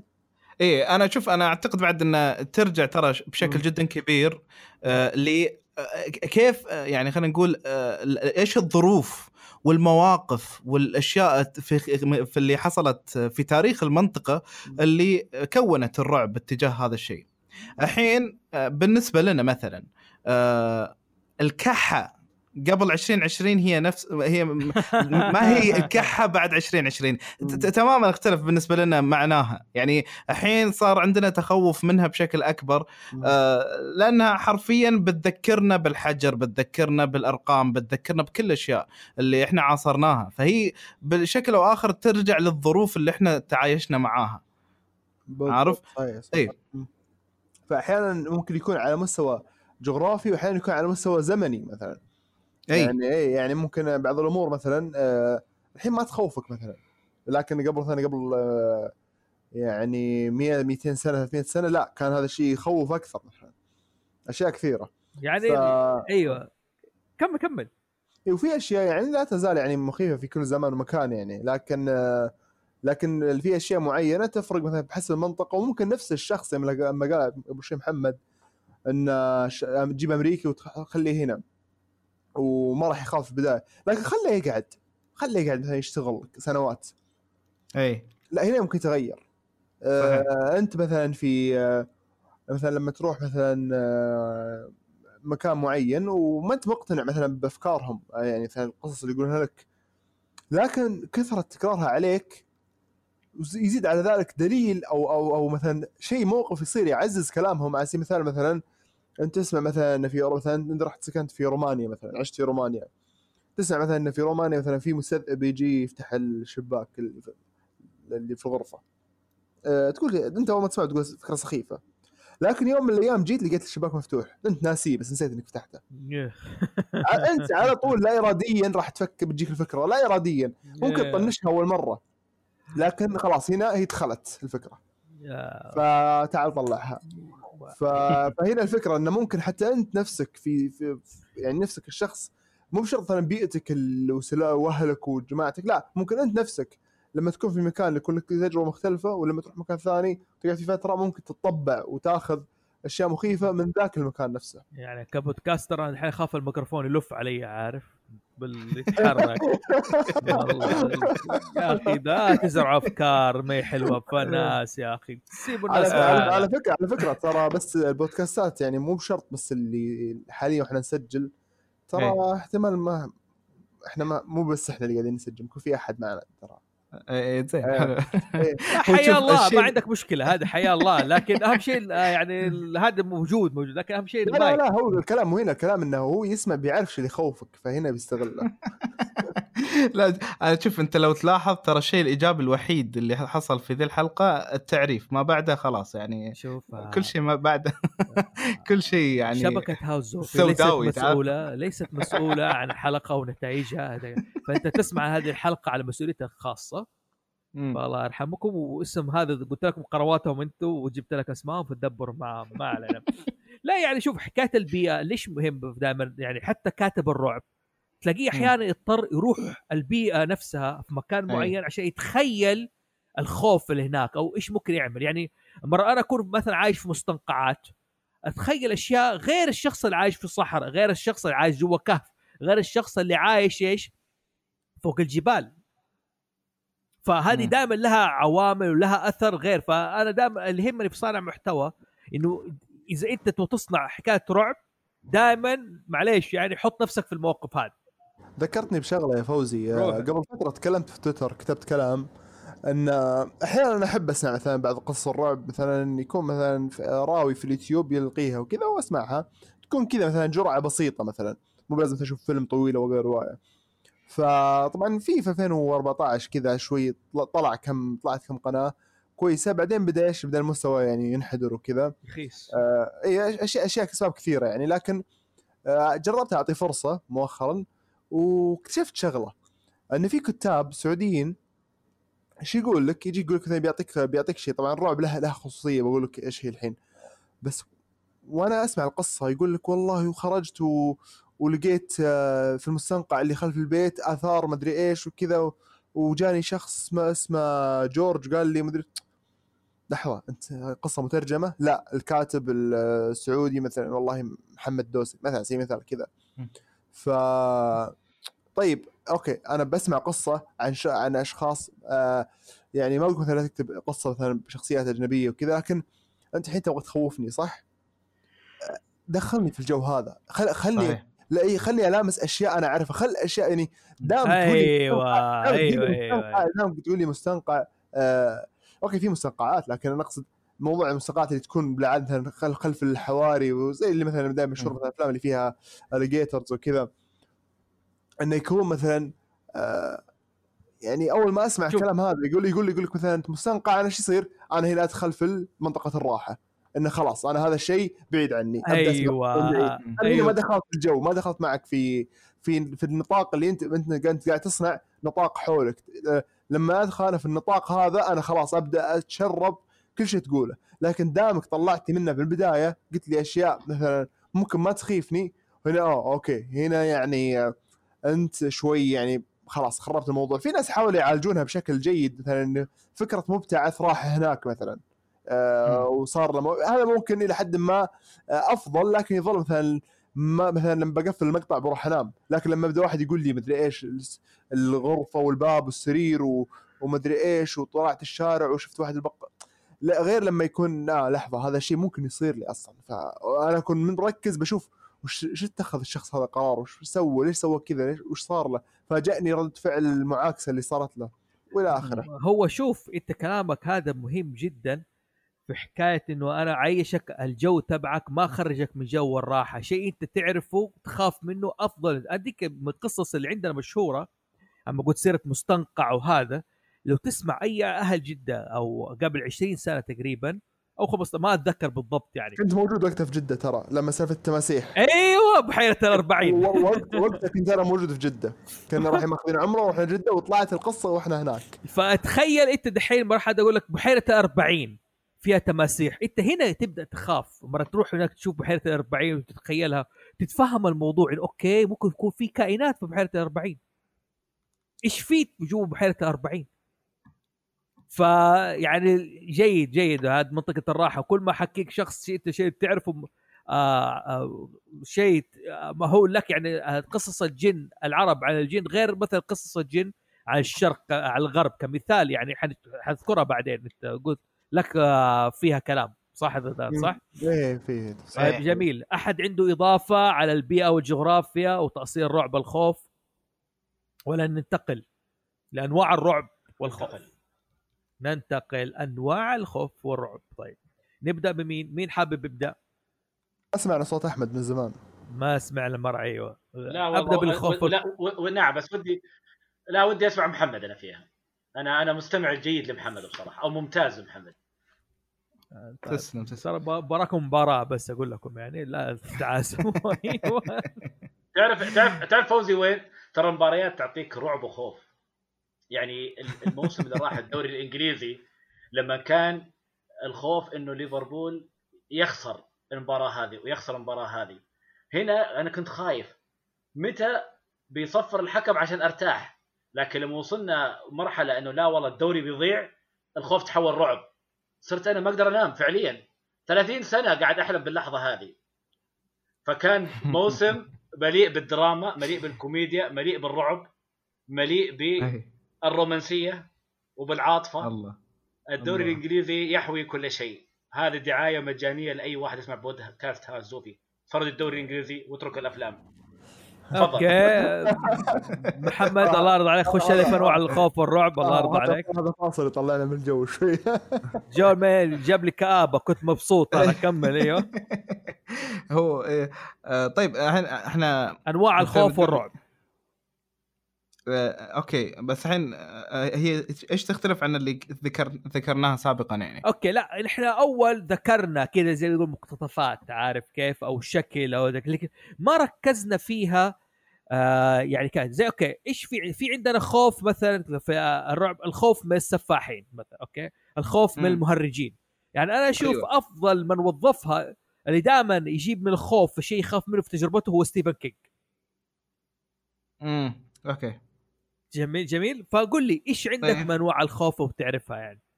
اللي بت... ممكن يكون من الأفلام ليس بالضرورة من إيش؟ آه يعني من من الروايات ولا من الطبيعة. خلاص طفشنا من الطبيعة.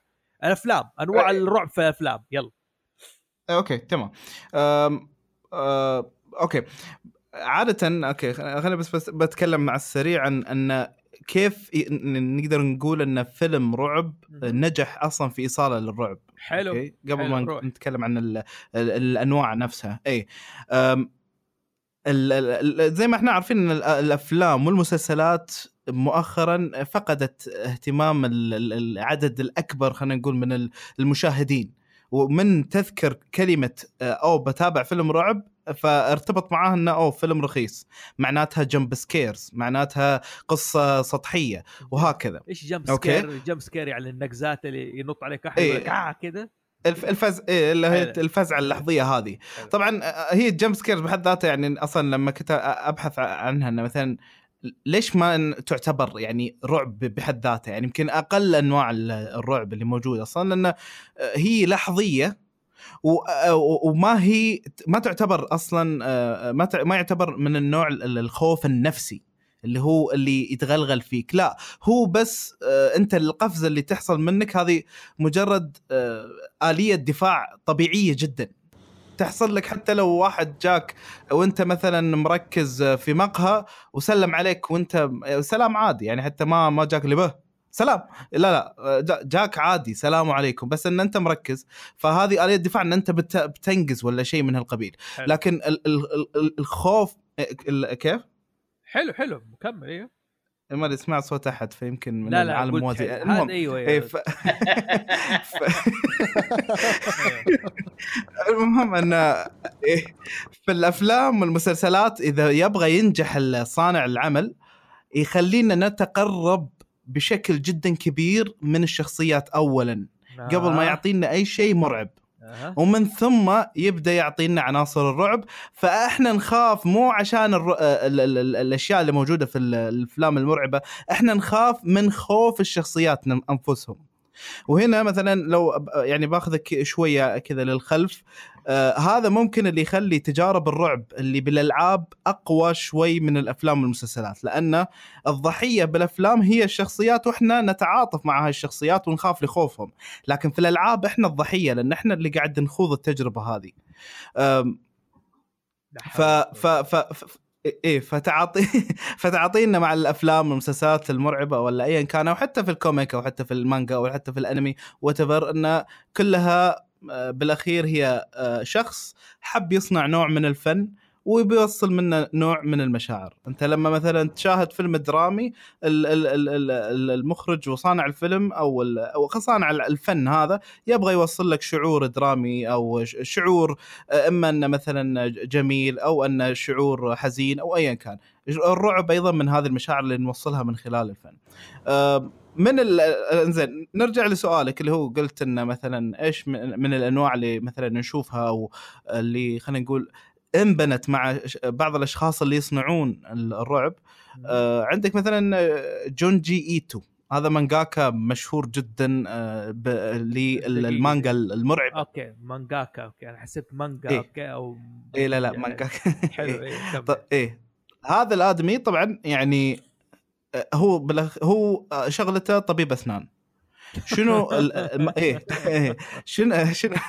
الضحكة وراها سبتكس تحية الايس إيه. إيه، تحية ليش والله. كمل. إيه، أوكي. آه، فهذا الآدمي يعني كان عنده تخوف من منذ الصغر من شغلتين. العناكب لأنه كان بيتهم فيه نوع من الممر عشان وأنت بكرامة توصل لدورة المياه. ك- آه، كان هذا الممر الطويل كله عناكب فكان يخاف منهم من يومه صغير. وأيضا كان يخا... آه، يعني عنده تخوف من الجسم البشري. فمع الوقت استعمل خوفه هذا وعكسه على يعني أسلوبه في رسم المانجا اللي يعني عنده يعني أسلوب فريد في رسم أشياء ممكن إنها تكون عادية وطبيعية لكن قدر يصنع من خلالها الرعب والخوف. وعجبتني جملة يعني ذكرها آه، أن جسم الإنسان يمثل خلينا نقول آه، على أنه يخوفه بس يمثل بالنسبة له الجمال والعنكبوت يمثل بالنسبة له ال- الموت. فيقول أنا حاولت أجيب شيء ما بين الجمال والموت. شيء يعني في النص ما تدري كيف أنت يعني ك... ك... لما تسمعها كفكرة أنه شنو يجي بين الجمال والموت. وهو هذا اللي حاول يصنعه يعني خلينا نقول. طيب. okay يعني انت عارف خليتني دحين أفتكر حلقة جيري ساينفيلد في دكتور الاسنان أيوه. أوه حلقة ممتازة هذه. صحي صحي لقى الوضع كذا عارف كيف. دكتور أسنان مو بس يكسر سنونك يسوي أشياء يخدرك أو ما علينا ما علينا. لا أنت تخيل أنت إن تروح عيادة ويطلع اللي يسوي لك ال- اللي يص- يصلح أسنانك جونجي إيتو يا ساتر. لو انت قاري المانجا بعد. أنا تس... هذه دعوة إنكم تا... تاخذوا كالسيوم وتشربوا حليب بلا... وتسووا اسنانكم بلاش ما. okay. في في في في طبيب اسنان اسمه أحمد شبير لا تروحون عنده. إن شاء الله. طيب. بس- بس لحظة بس بعقب على شغلة. حلو هي كمل. أنا أنا بخش لسه في أنواع الرعب يعني بتخش على أنواع آه، الخوف والرعب في آه، في الثقافة الشعبية وفي إحنا ذكرناها في البيئة واشكال وذكرنا إيه، أشياء. كثير. لكن خلينا نقول مثلا زي انواع نوع البيت المسكون.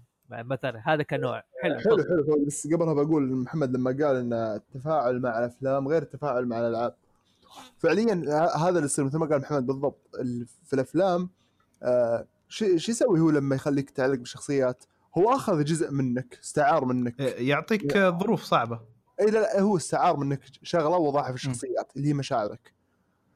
فأنت تلاحظ نفسك إن لما لما الشخص أي. مثلاً يجي من فوقه شيء أنت نفسك تدنق من كثر ما أو توطي كذا من اللي ما اعرف تدنق والله ف-. فممكن أحيانا تحس بالشعور هذا إنك يعني أنت جزء منك صار في الشخصيات طبعا أي. النسبة قليلة لكن مثل ما قال محمد لما تروح الألعاب النسبة تصير أعلى وطبعا في نسبة أعلى وأعلى الالعاب اللي تكسر الجدار الرابع إي. هنا ندخل في مرحلة مختلفة هذه نرجع ندخلها بعدين لما نتكلم عن الألعاب إن شاء الله. أنا بس على سيرة الألعاب والتجربة يعني أنها من أو لعبة الرعب اللي لعبتها رعب الوحيدة هي Fear Effect الأولى. كانت على ال PlayStation 2 اول مرة كنت عارف متحمس ألعب قلت ابى ألعب اللعبة دي في جو ظلام. ما شاء الله عليك. أيوه عارف. عشان تعرف ليش أنا عندي مشكلة مع الرعب. لحظة فوزي Fear Effect ولا Primal Fear؟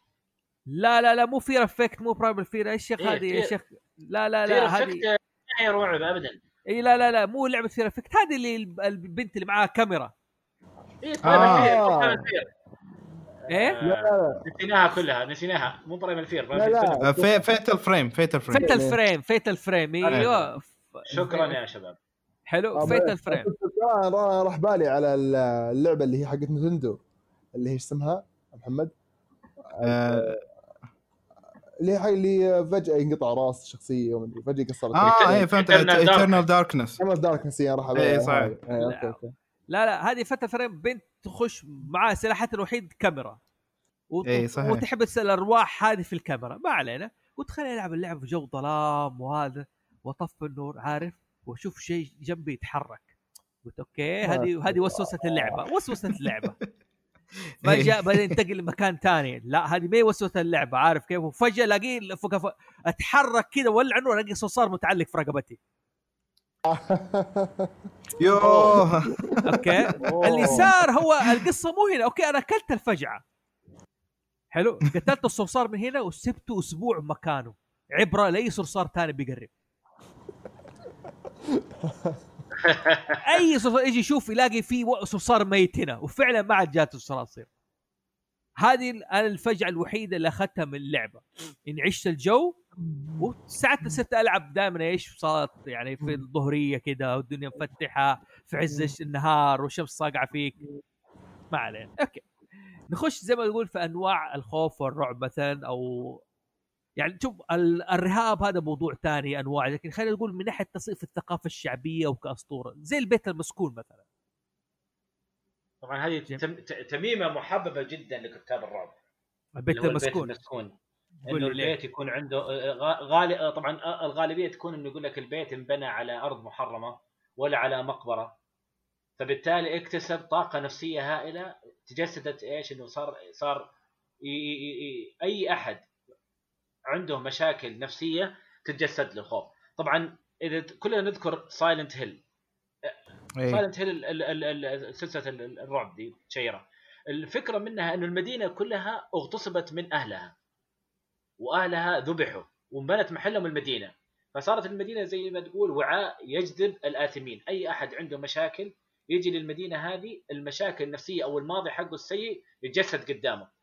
طبعا هذه وضحت جدا في الجزء الثاني من السلسلة. مم. مهم. ف وطبعا المسلسل الشهير اللي هو حق Haunting Hill House اللي السنة السنة أي. الماضية هو محمد ولا اللي قبله؟ لا 2018 طبعا كان مسلسل مبني على رواية حق اللي اسمها برضه Haunting of Hill House و... وكل أي القصة أي. تدور حول بيت مسكون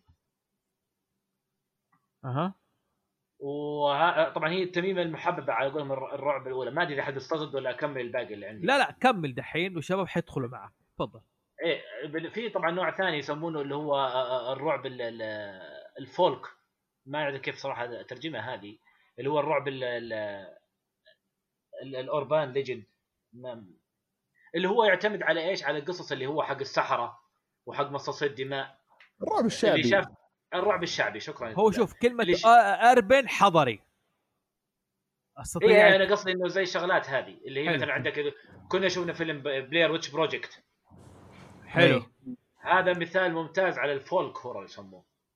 طبعا عندك مم. اللي هو وبرضه في عندك اللي هو اللي يسمونه هذا النوع برضه يسمونه اللي هو رعب الصور اللي تلاقي اللي هو ما أنت عارف بالضبط إيش اللي صاير قدامك لكن صورة. زي Blair Witch Project أفلام Paranormal Activity. وكليفر فيلد الفاوند ال found footage الفيديوهات ال- اللي حصلوها بعد مثلا فترة. وعندك اللي هو ال gothic ال gothic طبعا هذا أخذنا فيه وأعطينا اللي قلنا بس.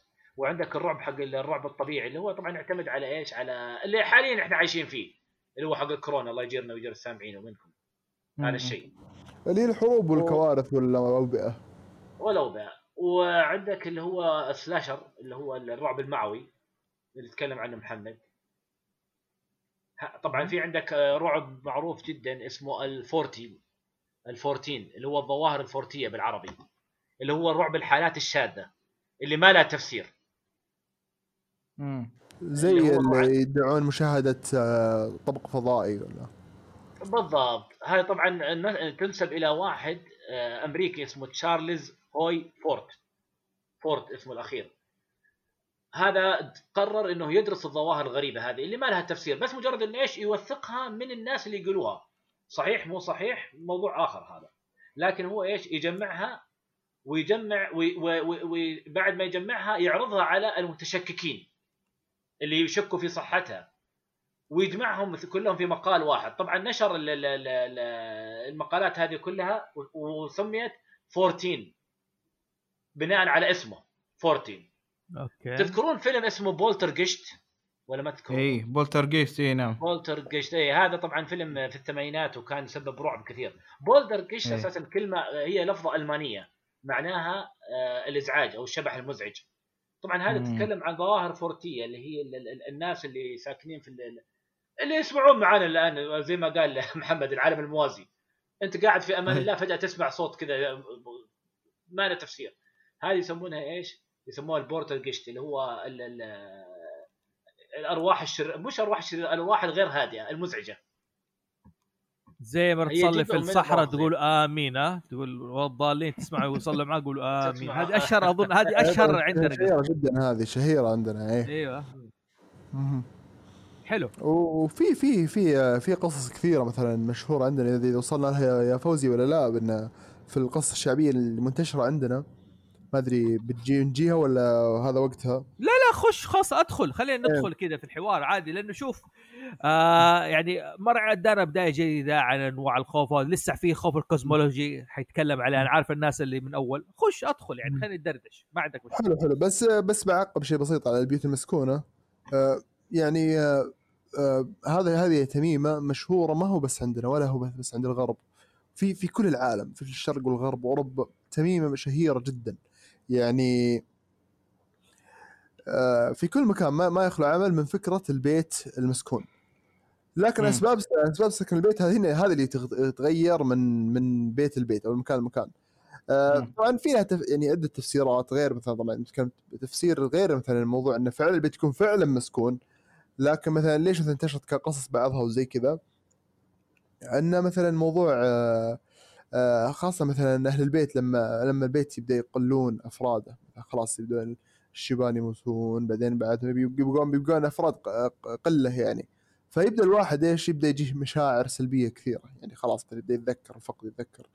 فهنا ممكن يضيق على البيت. أحيانا مثلا الواحد لما لما يبدأ يدخل في هذه الحالة ممكن حتى يعني آه، ضيقة الص- الصدر وال- والأمور هذه والدخول في الجو هذا ممكن يسبب لك مشاكل كثيرة. فحتى في قول مثلا عند أهل النفس اللي اللي يبحثون في الأمور هذه يقول لك مثلا اللي الحزن يجمع عليك الشياطين عرفت؟ ف إيه. فبالتالي ممكن قصص كثيرة ممكن تسبب الشيء هذا انه فعلا يبدأ الواحد يشوف الأمور هذه. وفي مثلا موضوع اللي بنيت على على أراضي محرمة ولا شيء زي كذا في قصة حي ما أبغى أقول اسمه يعني موجود في في الدمام. يقال ان إن انبنى على مذابح بقر. أها. ف...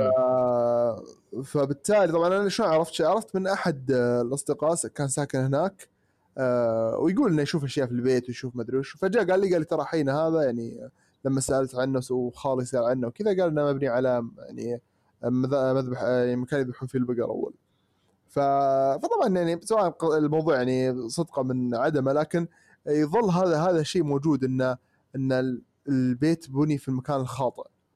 طيب هذا السبب. من أحد البيوت المسكونة قلنا أول شيء مثلا. الب... آه، البيت مسك... البيت المسكون سببه البناء على المكان خاطئ هذا واحد. ممكن وثاني شيء مم. يترك فترة طويلة ممكن يترك فترة طويلة. زي مثلا في منزل في الكويت آه يعني حاليا صار فندق وحتى دائما مثلا يتحفظون على اسم الفندق عشان ما يطيح سوقه. أوكي. الفندق هذا اي ف... حلو. اي فهذا فهذا يقول لك إنه مثلا سبب ال- حتى على فكرة يعني مسرحية البيت المسكون الشهيرة اللي في التسعينات آه كانت مست- مستنده لحد كبير إلى هذا البيت. إن هذا إن هذا هو. البيت. حتى نفس الوصف يقول لك بيت أبيض عليه خط أزرق.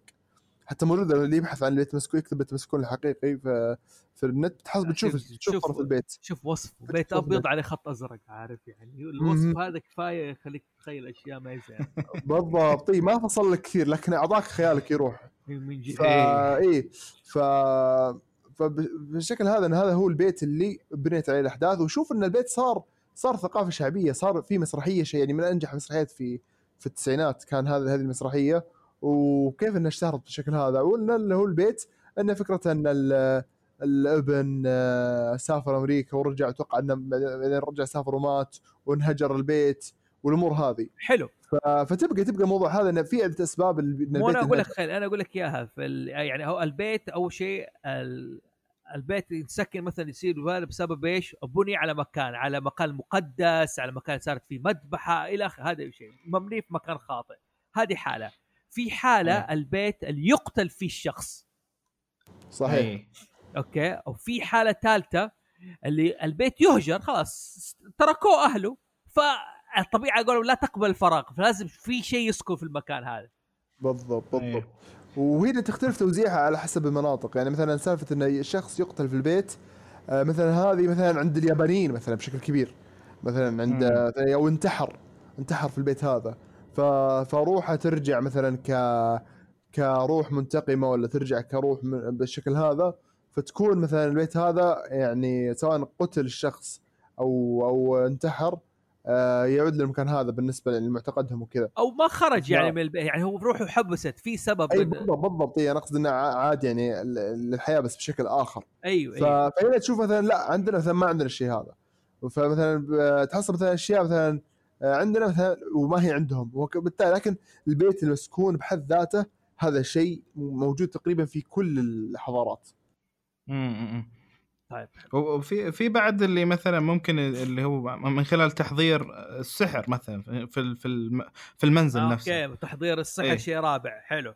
اي اي صحيح. إيه. حلو. أصلا لسه كنت جاء في بالي كذا ماني عارف إيش أقول بس الاستحضار أح- هذا أحد الأسباب.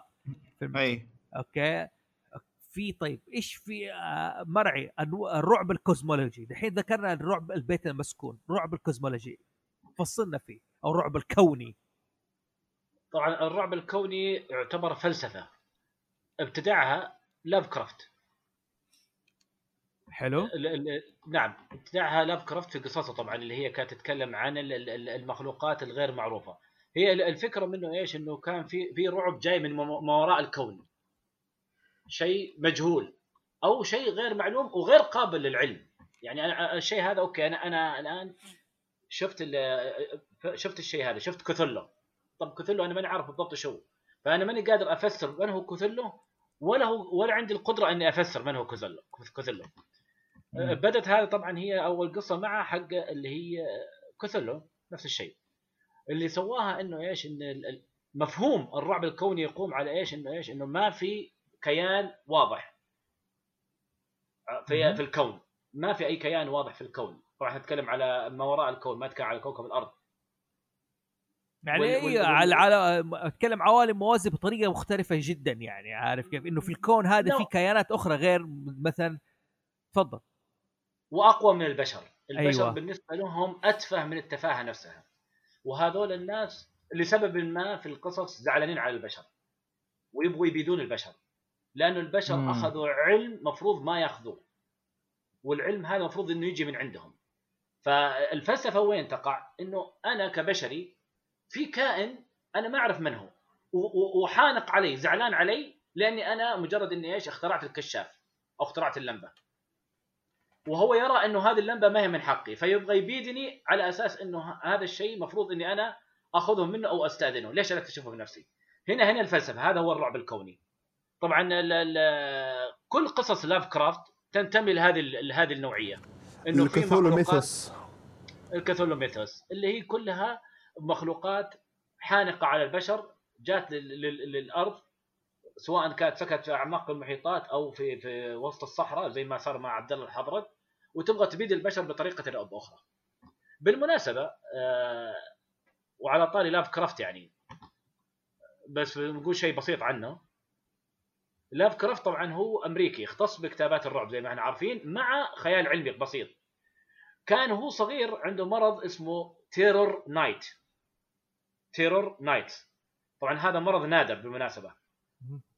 المرض هذا الضحايا حقه يع- يعانون في النوم بحيث إنه إذا كان نايم يتخيل إنه يتم مهاجمته عن طريق مخ- مخلوقات غير معلومة مخيفة. هذا. الخوف طبعا تعالج منه هو لما كبر وصار مراهق تعالج منه خلاص راح منه مرة. لكن إيش؟ قاعدة ال ال ال ال الأحلام اللي كان يواجهه صغير في الذاكرة فكلها عكسها في كتاباته. حلو. وعلى فكرة اللي هو ال- هذا ال night terror آه هذه آه أو terror night هذه آه فيها شيء مخيف جدا فكرتها. تخيل إن مخك يروح لأقصى شيء ممكن هو يخاف منه ويصوره لك. طبعا هو ما يصوره لك كحلم. هو يصوره لك كحلم يقظه يعني انت أنت أول ما تصحى تبدأ تشوف الأشياء هذه. وش تشوف؟ تشوف أقصى شيء ممكن مخك يألفه وعلى مقياسك أنت. فتخيل أنت تشوف أقصى شيء ممكن تخاف منه. أنت تخيل اللحظة هذه. ان مخك قاعد يش- ي- ي- يعني يصنع لك الشيء هذا اللي هو يجسد شيء. خايف منه. يجسد لك اعلى مخاوف. إي إي لدرجة إنه ممكن حتى ما تقدر تعبر عنه. ف وعلى فكرة هذا منتشر عند الأطفال. آه، لكن آه، بالعادة خلاص يروح مع كبر السن. لكن في ناس يبقى معهم. ف... فحاجة يعني حاجة مخيفة جدا جدا جدا مخيفة. آه طيب. ال paranormal إيش هو؟ بس قبل تروح paranormal نفس ال cosmic horror أيوة. آه ما بقى هو بس ما صار حصري مثلا عند عند لاف كرافت آه رجعت أعمال لاحقا واستلهمت فكرة الرعب الكوني ونفذتها بطرق مختلفة. أيوه. يعني اي بس لا بطرق مختلفة لدرجة إنه بعيد. يعني يعني اللي, اللي ما يفكر مثلا بطريقه بيحاول يربطها بيحس انها شيء مختلف. لكن فعليا هي تظل رعب كوني. مثل فيلم The Thing حق جون كاربنتر إذا تعرفونه ولا لا. إيه. إيه. إيه. هذا فكرته أن في كائن آه يعني آه نزل من ال- من الفضاء أو نزل ما يدري من وين جاء أصلا ما يدري من وين جاء هو طفيلي. يتلبس أي شخص يتلبس أي شخص. الشيء المرعب وين في الموضوع؟ ثواني بس في حرق يا جماعة. دحين حيبدأ حرق. طالما حيخش في الأفلام وهذا حيبدأ. حرق الناس اللي ما تبغى نحرق عليها الأشياء يعني ممكن مم. يعملوا سكيب اللحظة دي أقل شيء وبعدين يكملوا حلو؟ أنا أنا ترى بحاول قدر الإمكان إني ما أحرق بقول فكرة الفيلم بداية بس لا دوسري دائما عنده مشكلة مع الحرق يعني اللي. حساس بزيادة اللي حساس بزيادة أو اللي حساس بالحرق ممكن إذا لكن غالبا بحاول ما أحرق. أشياء قدام الفيلم لكن الفكرة الفيلم وشو إنه أتوقع حتى في وصف الفيلم موجودة كمل كمل جميل أيوه كمل. فكرة- فكرة الفيلم أن الطفيلي هذا يدخل بإنسان يعني تخيل مثلا على سبيل المثال مثلا فوزي خلينا نخوفك أكثر. تكون جالس مثلا مع أعضاء الهاوس. حلو؟ واحد من أعضاء الهاوس الطفيلي متحكم فيه بالكامل خلاص. لدرجة أنه هو متحكم بذاكرة الشخص هذا. يعني مثلا إذا عندك رمز مثلا على سبيل المثال جاء مثلا في أحد الأشخاص. تبي تعطي الشخص هذا رمز شيء ذكرى معينة؟ الطفيلي بيكون عارفها. انت شخصيا ما تعرف من الشخص اللي بينكم آه شخص بينكم ما هو هو. الشخص هذا الشكل شكله الذاكرة ذاكرته التصرفات تصرفاته لكنه ما هو هو. والله. ماني متخيل غير فراس أيوه. وفوق هذا وفوق هذا إنه آه، مصدر آه، على خطر الحياة مو يقتل. وما راح يكتفي بي- بيطلع من واحد بيقتل بيطلع من بيدخل في واحد ثاني. ومستمر والطريقة الوحيدة لكشفه إنك تشوفه ينتقل. طيب طول طول الوقت هو جالس كيف بينتقل إذا أنتم قاعد- قاعدين تطالعون بعض. مصدر رعب غير طبيعي يعني انت أنت شيء يعني مثل ما قال محمد شيء خارج عن التحكم. أنت ما تقدر تتحكم فيه. أنت انت شيء آه تجهله وما تقدر تتحكم فيه. حقول له شوف أنا عرفت لك الموضوع جزاك الله خير. شوف عيش حياتك سوي اللي تبغاه. بعيد عني الله يوفقك ويسعدك. لكن تخليني على أعصابي وهذا وأشوفك أنا فاضي لك. ضابطين طول الوقت أنت طول الوقت ما ندري إيش الموضوع عاد عاد في بداية في أواخر السبعينات وبداية الثمانينات الأمريكان استغلوا ال- ال- الثيم هذا اللي قال عليه ضيدان إنه أنت ما هل تدري هل هذا خويك ولا مو خويك؟ وصاروا ينشرون قصص لها مغزى سياسي طبعا. هل عائلتك هم عائلتك؟ هل أبوك هو أبوك؟ هل أمك هو أمك؟ فكانت تنشر قصص قصيرة في الأفلام تجي في الأفلام لمحات منها مقالات جرايد الفكرة منها وين؟ إنها هل أبوك شيوعي؟ هل أمك شيوعية؟ فكانوا يزرعون فكرة الخوف من الشيوعية باستغلال الثيم هذا. إنه. طبعا كانوا يلبسون الشيوعيين ثوب الالين ال- ال- عفوا الفضائيين يلبسون ثوب الفضائيين ويخوفون فيهم الناس. والفكرة وين؟ إنه ترى الشيوعية شيء كريه انتبهوا منه، وإذا عندكم شيوعي بلغوا عنه. لا لا هو لا ترى على على فكرة ترى ترى على طار الشيوعية كانت تصير أشياء ما تخص الشيوعية آه، أشياء عجيبة يعني أص أصلا يعني مثلا آه، آه، رواية جورج أورويل اللي هي آه، 1984 84. لما تكلموا عن البيج براذر أنت تخيل ان إن في شخص قاعد يشوف أي تصرف تسويه أي شيء تسويه هو شايفك مم. طول الوقت أنت إيه. تسمع صوته تسمع في في ميكروفونات عندك في كل مكان تسمع خطاباته طول الوقت. واي شيء تسويه هو يشوفك هو يراقبك. أنت هنا يعني أتوقع هذا ممكن ممكن يدخل فيها هذا. مصدر قلق ورعب وخوف و... كل شيء كل شيء كل شيء لدرجة إنه ممكن يعني يا رجل أنا اليوم الصباح رايح ومشيت قد- قدامي ساهر صورني وأنا أنا زايد عن السرعة كيلو واحد بس كنت أمشي 101 102 وصورني. طبعا هذا يسمونه تصوير تنبيه. قاعد أفكر. تنزل ما راح تنزل. كيف كذا عرفت؟ يعني هذا هذا شيء بسيط كذا فما بالك لو أخذناه على نطاق أكبر. لا حول ولا قوة إلا بالله. طيب. طيب آه، أوكي. يعني نحن قاعدين ندردش دحين. آه، آه، شوف أنواع التلبس نوع من أنواع الرعب. جميل. آه مثلا القتل نوع من أنواع الرعب. مثلا تتخيل الوحوش اللي تخرج من التلفزيون نوع من أنواع الرعب. اللي زي التفسير. في أشياء كثيرة لحكاية أنواع الر- الرعب والخوف في الأفلام. يعني دائما الفيلم يحطك في مكان معين وهذا. آه محمد قل لي إيش مين هم أشهر رموز الرعب في الأفلام؟ أم، شوف إذا من الناحية خلينا نقول ال- الشعبية أيوه. إي ف ف فامريكيا ممكن نقول مايكل مايرز ما أكيد يعني هو ممكن من ال- ال- الأوائل. آه، عندك اللي هو The Shining طبعا جاك؟ آه، إي اللي هو جاك. عندك أيضا يا طويل العمر اللي ذكره آه، شو اسمه ضيدان اللي هو The Thing The Thing يعني أنا أعتبره يمكن يعني ال terror ب- ب- ب- يعني بأفضل شكل ممكن خلينا نقول. ممكن آه، أيضا كشخصية اللي هو Friday the 13 Leatherface اي شو اسمه؟ Leatherface حق Texas Chainsaw اي اي بالضبط. يعني هذه يمكن أشهرهم. أنا بالنسبة لي مثلا لو لو واحد بيجيني بيقول لي عطني فيلم رعب يعني بحقه حقيقي ممكن أقول له مثلا The Conjuring وأيضا The Wailing الكوري. The Wailing الكوري طبعا آه، اللي اللي يعجبك فيه انه انه لام لك كل شيء ممكن تحتاجه في الرعب. اللي هو إنه آه، لام لك آه، الشخصيات اللي أنت بتتعلق فيهم من أول لحظة. كمية الأسئلة اللي أنت بت- بتظل تسأل نفسك آه، يعني إيش صاير في المكان؟ هل هذه لعنة؟ هل هذه مرض؟ هل هذا آه، مثلا آه، مثلا مشاكل من الدخيل أو سحر أو ايا كان. ف فلام لك يعني جزئيات في الرعب كثيرة بس يعني حط في الحسبان إن الفيلم شوي ثقيل. بس إنه ثقيل بقيمته يعني مش ثقيل آه إنه يعني ممل أو ايا كان لا بقيمته فيعني آه هذا يمكن ال- اللي الحين آه، يحضروني طيب حاليا حلو آه مم. كمخرجين. مين عندك في بالك؟ مايك فلانيجن آه، هو حاليا اللي يعني أنا أعتبر إنه مولع في ال في ال في ال في الرعب نفسه. يعني أصلا كل أفلامه من بدأ هو كله رعب وحتى مسلسله. اللي هو اللي سوى The Haunting of House وأيضا سوى The Haunting of Bly Manor مؤخرا. آه، أيضا سوى فيلم اسمه Hush اللي أنا أعتبر إنه يعني الفكرة جدا ذكية ورعب بكل بساطة. يعني فكرته ان واحدة صماء ويجي يجي يجيها دخيل. وهي وهي لحالها ساكنة في بيت منعزلة.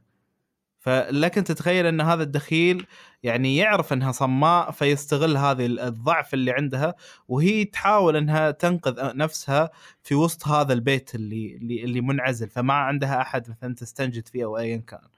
فتقريبا ساعة وثلث وانت في وسط هذه الفكرة بس. يعني فيا فمايك فلينيجن أه، لو حبينا نقول أم، أم، ما أذكر انه في مخرج كذا هيتشكوك. كرس نفسه هيتشكوك شوف هو مش رعب كثر ما هو ترقب وغموض. يعني إيش الفرق؟ هيتشكوك ما معليش يعني ال... يعني شوف أنت لما تترقب شيء آه، آه، أنت عارف مثلا أن يعني هذا الم- المثال المشهور لهيتشكوك وهو فعلا يستعمله في معظم أفلامه أن الفرق بين مثلا ال- الغموض والت- والتشويق اللي هو انه لو آه، أنت شو اسمه لو انه في مشهد بين شخصيتين و أنت عارف انه في شيء يعني في شيء مو طبيعي في في المكان بس يعني خلينا نقول آه، فهذا بالنسبة لك مثلا هذا الموضوع غامض. آه، لأن أنت ما تعرف إيش هو هذا الشيء الغريب اللي موجود. آه، في نهاية المطاف مثلا أو والله صار في انفجار والقنبلة أصلا كانت تحت الطاولة اللي كانوا يدردشون فيها هذول الشخصيتين. بينما العكس صحيح إنه مثلا لو أبغى أسوي لك ترقب وتشويق إني أوريك القنبلة من البداية وأوريك الحوار اللي بين الاثنين. فأنت طول الوقت أنت مترقب ومتشوق إنه أوه والله متى بتنفجر قنبلة؟ هذول بيقومون ولا ما بيقومون؟ فيختلف الإحساس هنا مثلا بين المشهد الأول والمشهد الثاني بين الغموض وبين الترقب. بس مو هنا موضوعنا الموضوع ان أشوف إنه هيتشكوك مش حق رعب لا أكثر إنه حق يعني ترقب وتشويق و واحيانا غموض و... ويركز على الجانب الدرامي أكثر يعني. طيب إيش رأيك أنت ضدان على هيتشكوك رعب ولا مو رعب؟ لا شوف هو هيتشكوك يعني إلى حد كبير آه يميل لل- لل- للتشويق أكثر لكن آه نعتبر مثلا أن غرفة الرعب وغرفة التشويق هو هو قريب من جدار الرعب لكنه لا يزال في غرفة تشويق آه فمثلا عندك فيلم سايكو الشهير. آه، أعطاك رعب أعطاك تشويق لكن ما مثلا ما هو مثلا الرعب بشكل يعني نسبة الرعب فيه أعلى من كثير من المخرجين لكن يظل ما اسم ما تسمى ممكن ممكن مخرج آه، رعب مرة هو يعني master of suspense okay. سيد سيد إيه. التشويق اي هذا لقبه في مخرج ثاني انعرف بالرعب بس صراحة أنا عندي تحفظات واجد عليه هو يعني أنا عجبني له فيلم فيلمين آه، لكن بشكل عام يعني بدأ يروح للرخص كثير اللي هو جيمس وان. إيه. إيه. اي جيمس وان yes جيمس جيمس وان يعني هو اللي خرج فيلم سول أول أول فيلم سول مشهور. آه وأخرج آه اللي هو Conjuring. و Insidious بعد. Insidious آه Insidious إيه. Insidious مرة. فلكن قل لي مثلا وش في غيره؟ طبعا أنا أتكلم عن فيلم Saw مثلا. أنا بالنسبة لي فيلم Saw الجزء الأول الباقي أرميه خلاص. إيه. طيب إيه. في ناس يمكن يحبون مثلا الناس كذا ياخذون مثلا فيلم فشار وكذا لكن ما أدري إيش الكبد ما شاء الله. بس لكن بس آه، يعني آه، عنده عنده لمسات ومعروف في الرعب. عندك واحد ممكن يعتبر له في الرعب ولكن عنده حركات غريبة اللي هو أم نايت شملان أي. إيه. أم نايت شملان يعني عنده رعب عنده بس إنه هو مثلا خلاص تقول أم نايت شملان تقول twist رخيص. كذا أول شيء يجي في بالك ليه؟ آه، خلها بعدين تفصل فيها. فما أدري إذا محمد يتفق معي ولا لا خليني لحالي. في الموضوع هذا لا عادي إيه، يعني. شوف أدري أدري بس بس كذا أبغى أشاق. إيه. ما يعني عارف كيف تسوي. نحن لسه ما كتبنا ما دخلنا على أشهر كتاب الرعب. أنا دخلت معاكم مخرجين أبو مم. محمد شوية دوسري كذا يتحمل. يعني مثلا أنا أقدر الاشياء المخيفة بالنسبة لي ها فريدي كروجر مم. كابوس شارع مم. Elm لدرجة. ما لخبطت في اسمه إيه. زمان كنت أقول كابوس شارع ويليام okay أي. هو هو صح Elm Elm Street okay شخص يجيني وأنا نايم ليه يعني كيف حنام هذه أي. المشكلة. إيه، هذا هذا يدخل فيها موضوع ال terror. انه إنه ما راح يقتلك إلا وأنت نايم وأنت صاحي ما راح يجيك يعني ما يجيني غير في. الأحلام يعني عارف كيف إيش إيش البلشة دي. فبس ف- عشان كذا ابغاكم تكملوا أيوه. إيه إيه. ف يعني في في إيه- إيش مخرجين إيش يعني- إيش إيش الت- إيش اللي يسوي twist هبلة كذا قول لي بالله. لا ما كذا نقعد نحرق أفلام. يا أخي ما شوف أسمع أسمع أقول لكم حاجة. بس عشان إيه. ليش نحن نحرق؟ okay؟ مو الفرق إنه ابغاكم تحكوني أو تحرقوا علي. بس عشان بس لا عشان يبان الاستيحاء للناس. مرة مثلا. أقول لكم إنه سوبرمان مبني على قصة إيش؟ على ال- الأص- القصة التوراتية. حتقول لي كيف؟ إيه. أقول لك كيف مبنية على قصه توراتيه؟ أقول لك شوف لاحظ إنه امه وابوه آه، سوبرمان حطوه في زي السفينه الفضائيه و- وسبح في الفضاء والتقطوا إيش؟ زي ق- زي قصة أم موسى موسى عليه لما السلام. لقته في اليم مثلا. حلو؟ التأثير في الاسم قال إل إل هذه ال آه، المعنى السامي أصلا وليس فقط العبري إل هذه معنى آه، معنى جزيري بالإله الله. قال ما أدري إيش. معناها. ناسي إيش معناها. أنا- معناها صوت. صوت يعني شوف أوكي شوف صار اسمه إيش؟ إيه. صو آه، صوت الرب. إيه آه، ال معناه الرب؟ زي بابل بيت الرب أو باب. مدينة الرب. ها- سيدنا الفكرة موسى اسمه كليم الله. كليم الله. okay واضحة وصريحة يعني عارف يعني. هذه الفكرة ليش نحن أحيانا نحرق بنحاول نقول لك okay شوف كيف جاب الفكرة هذه ووضعها هنا. هذه الفكرة الأساسية مو قصدنا نحن نحرق على الناس إنه خلاص نتحكى ونتبادل ونسوي review. لا لا إيه. بس إيه. هو هو شوف هو شوف أنت يعني خلينا نقول آه يعني أنت لما تدخل أفلام ام نايت شام- شاملان أنت تكون خايف شلون بيمقلبك كل مرة. بس هذا هذا اللي أنا بقوله. لأنه حرفيا كأنه يبني ال plot twist أو اللي هو الالتواءه بالفيلم اللي بتغير لك مجراها تماما يبنيها حتى قبل القصة تحسه. تقعد تنتظرها طول الفيلم. إيه تقعد تنتظرها طول الفيلم. صارت كل أفلامه كذا. صار حرفيا بس يجي ال plot twist اللي هو في ال- الالتواء. في, نها... في نهاية الفيلم طبعا ما يعني ما تعتبر حرق بس هذه أسلوبه هو. انه يجيك يعطيك ال- الالتواء في نهاية الفيلم يمسح لك الفيلم اللي قبله كامل يقول لك أنت ترى غبي. أنا ترى لعبت عليك. فصرنا ما نثق فيه يعني. أوكي. وصلت. إيه. حلو. إيه. حلو. طبعا طبعا في الرعب يعني يمكن هذا من من من التصنيفات اللي اللي لا تركز واجد على السينما الأمريكية. أي. يعني أي هذا من أكثر التصنيفات اللي ممكن تجد ضالتك فيها أكثر في الس- في السينما العالمية. السينما اليابانية الس- السينما الكورية. السينما ممكن حتى يعني فرنسية أو في يعني أماكن أخرى. ولان بتحصل أكثر إبداع يمكن إلا من لأن شوف أنا كان العباره هذه دائما أقولها. الرعب يعني أكبر عدو للرعب هي أفلام الرعب الرخيصة. آه، فأنت مجرد ما إنك آه، والن- والنجاح في أفلام الرعب سهل. أنت تسوي مم. فيلم صيفي حق حق حق آه، صيفيه وحق فشار. أو حق هالوين. حق هالوين خلاص انت ضامن فلوسك في جيبك فلوسهم في جيبك إيه، خلاص. إيه. فليش أنا أروح أسوي وأبدع وما ادري إيش وكذا وأدفع وأتعب على الكتاب وأعطي كتاب وشغل؟ وأنا بالأخير يعني أصلا يمكن بالعكس يمكن أنا أنا مرة من سألوني عن توصية قالوا نبغى أفلام رعب. اعطيتهم ثلاث أفلام رعب يعني عليها الكلام. ردوا علي قالوا يا أخي ما تخوف الأفلام هذه لأن معيار الرعب عندهم وش هو؟ فجعات آه أشياء كذا أشكال مخيفة. يعني آه، أتكلم عن اللي ما يبحثون عن اللي ما يبغونه كفن يبغونه بس حق شيء حق جمعة يخافون مع بعض يضحكون يخوفون بعض يشبهون "أوه، هذا والله يشبه إيه. فلان إذا قام من النوم كذا يعطيك أشياء كذا في نص ال... إيه ف... إيه. فيعني في, في, كم شغلة كذا اللي اللي حق حق فلة حق يعني إيه. إيه. ما هو حق مثلا واحد يبغى يشوف شيء فيلم أدب رعب ف... فعشان كذا صار ضعيف فزاد قيمته التجارية من الناحيه هذه من ناحية إنه في الصيف في الفشار وكذا.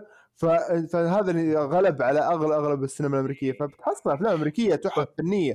لكن لكن بالمقابل تلقى عالميا آه، أفلام تستحق فعلا إنك تستكشفها. وشوف آه، شوف أنا أنا يمكن عندي إضافة مهمة جدا جد، آه، ليش. أنا بالنسبة اي أنا ليش بالنسبة لي آه، ال- ال- ال- ال- السينما الآسيوية بالرعب تفوز أكثر من الأجنبية سواء حتى أوروبي أو أمريكا أو ايا كان الآسيويين دائما يهتمون باللي هو آه، كيف آه، اللي هو الفيلم أو أو قصة الفيلم تظل بنفس الأهمية حتى بعد استكشاف شنو معنى الفكرة. بمعنى أن مثلا عند الأمريكان عادي أنك أنت تكون خايف من الموضوع مثلا لمدة ساعة ساعة وعشر دقائق في الفيلم لأنك أنت ما أنت داري شنو اللي قاعد يلحقنا.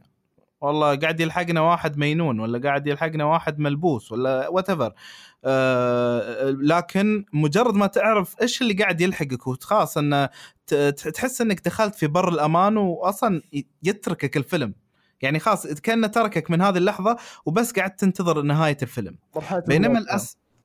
إي بالضبط أما الآسيوية الآسيوية ي- يعط... يعني يست... أنت تم- تمر بمو... بم- بموجة و...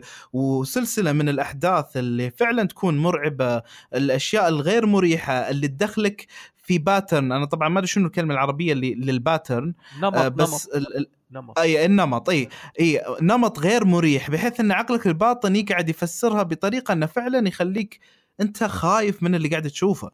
وهذا هذا يكون إلى مرحلة استكشاف الفكرة. لما تستكشف الفكرة تصير لك مرعبة أكثر. ف ف ف, ف يعني يخلي لقيمة الفيلم الرعب هذا قيمة أكبر. اديني يعني- يعني مثال على الفيلم كوري كده ولا آسيوي جاب العيد فيك؟ إيه. اديني. اي اي زي The Wailing اللي ذكرته already أها. يعني الحين The Wailing يعني هو مدته تقريبا ساعتين و45 دقيقة.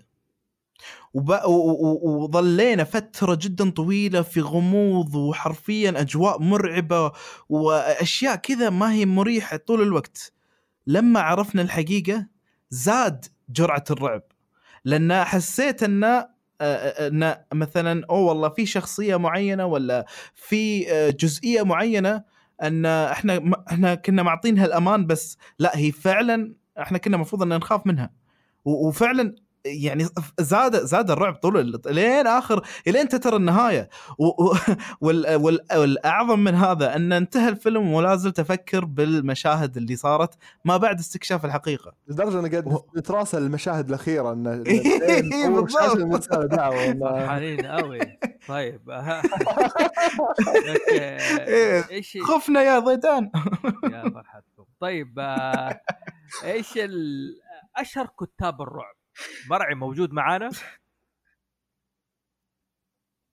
هو لا مرة ما تكلم انه هو يعتبر إن شاء الله من أشهر كتاب الرعب. okay لا عشان هو بس أست- استأذني خمس دقائق. آه okay، okay عبال ما يجي آه قولوا لي شباب مين أشهر كتاب الرعب؟ آه، شوف ستيفن كينج ترى ليه حلقة كاملة إحنا مسوينها okay في. حلقة قديمه من بودكاست لكن ما يمنع إنه إحنا نعطي نبذة عنه. حلو؟ أديني مثلا okay عندك شيء في العرب يا كتاب رعب في العرب والادب شيء أو شيء من الأدب العربي رعب؟ آه شوف. آه طبعا لما نجيب طاري الرعب في العرب ما يعني ما ننسى المرحوم الله يرحمه اللي هو أحمد خالد توفيق. الله يرحمه. نعم. اي آه طبعا عنده سلسلة ما وراء الطبيعه وحلقات الرعب اللي تجي كل عشر آه آه، أعداد. أتوقع هذا شيء يعني صعب ان نغفل عنه كل ما جبنا طاري الرعب أو أدب الرعب العربي. ف في قصص في أشياء في مواقف دائما تصير خاصة لما في طرق السفر في في القرى ال- النائية في في الأماكن هذه دائما نسمع قصص دائما نسمع أمور آه، لدرجة انه في شيء استغربتها أنا ما أدري إذا مر أحد مر عليه مسلسل اسمه بدون فلتر عبد الله السدحان كان إيه. هو اللي كمل فيه بعد طاش مطاش في. قصة كانت تقولها لي آه، أم جدي الله يرحمهم أن يعني قصه واحد في البر و... وقابل آه، وأنقذ أفعى وبعدين الأفعى طلعت آه، بنت ومدري إيش بعدين راح وتزوج. قصة كذا يعني كنت أسمعها منها بس هذا المصدر الوحيد كنت أسمعها. اكتشف انه بدون فلتر مسوين حلقة مع إن تنفيذها كان يعني ما يعني ماش لكن مسوين حلقة عن القصة هذه. فأنت لما تكون في بالك أصلا الحلقة هذه أو القصة هذه حصرية تحسها عندك تطلع ان لا هي متداولة. لكن مثلا كيف وصلت لك يعني؟ أو أو كيف مثلا انتشرت بين بين الناس. ف... ففي قصص تبقى. ف على فكرة ترى في في يعني آه، في قصص أيضا ساحرات ترى آه، عندنا أعطيني. هنا. يعني على سبيل المثال آه، في منطقة تسمى دارين عندنا هنا جزيرة موجودة. ف يقولون السالفة أول إن كانوا يعني آه، طبعا أنا بتكلم بغض النظر عن عن صحتها. ف انه كانوا مثلا يحصلون الصباح آه، أشياء في السطح. يعني آه، كسرت آه، وكذا عود طيب عود. حيحصلون آه، أشياء آه، أمور كذا آه، واضح إنها طايحة من السماء. ف- فيقولون إنه مثلا والله في آه، في في ساحرات مرة من فوق بعضهم يقولون نشوفهم يمرون. طبعا إحنا نسمع مثلا الساحرات في أوروبا اللي هو على المكانس يطيرون أيوه. عندنا لا على جذوع النخل. ففي أحد القصص يقول لك أيوة. يقول لك يقول لك واحد كان كل مرة يصحى الصباح يلقى يلقى جذوع النخل المقطوعه عنده في المز... في المزرعة آه ما هي على ترتيبها المعروف. يعني يجي يلقى الجذع يلقاه مرة هنا مرة يلقاه هنا. يقول مو طبيعي الوضع يعني الشيء مو طبيعي. فيوم من الأيام قرر إنه ينخش في أحد الاجذع طبعا مفرغه الاجذع ف. فدخل داخل وتخبى وجلس. يوم جاء آخر الليل كذا سمع صوت ثنتين جو وجو فوق ال وركبوا فوق ال- الجذع فايش قالت اللي في القائدة يعني؟ قالت تأمر الجذع النخلة؟ تقول لها طيري باثنين. أها. فما طارت ما طار الجذع. فالتفتت على صاحبتها قالت لي انت حامل؟ قالت والله ما أدري. قال خلاص طيري بثلاثة وطارت. طبعا الثالث هو اللي داخل الجذع. فاي فالنخل يعني أنا سمعت كلام ما طارت يعني مش اثنين شيء ثلاثة. فيقول شاف مناظر وهو طاير في السماء يعني شيء عجيب. فلما وصل مرة ثانية رجع الأرض مرة ثانية أول ما نزلوا قاموا مسكهم.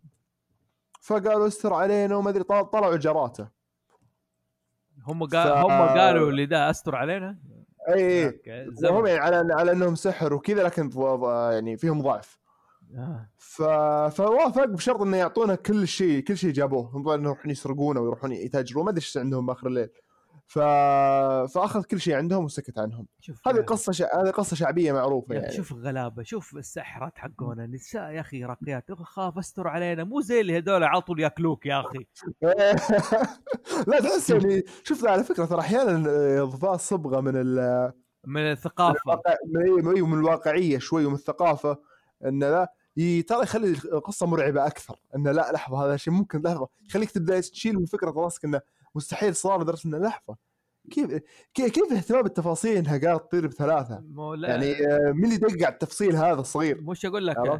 تيجي مثلا الحين ساحرة مثلا أنا أقول أسمع القصة دي على بالي إنهم من عندنا عارف؟ والسعوديه غلابة خوفهم. تقول أنا طلعت أمريكية حدك حاكلك عارف؟ فتفرق. إيه. يعني هذا عمي شيء يا عمي تاكلك ولا تحولك ضفدع.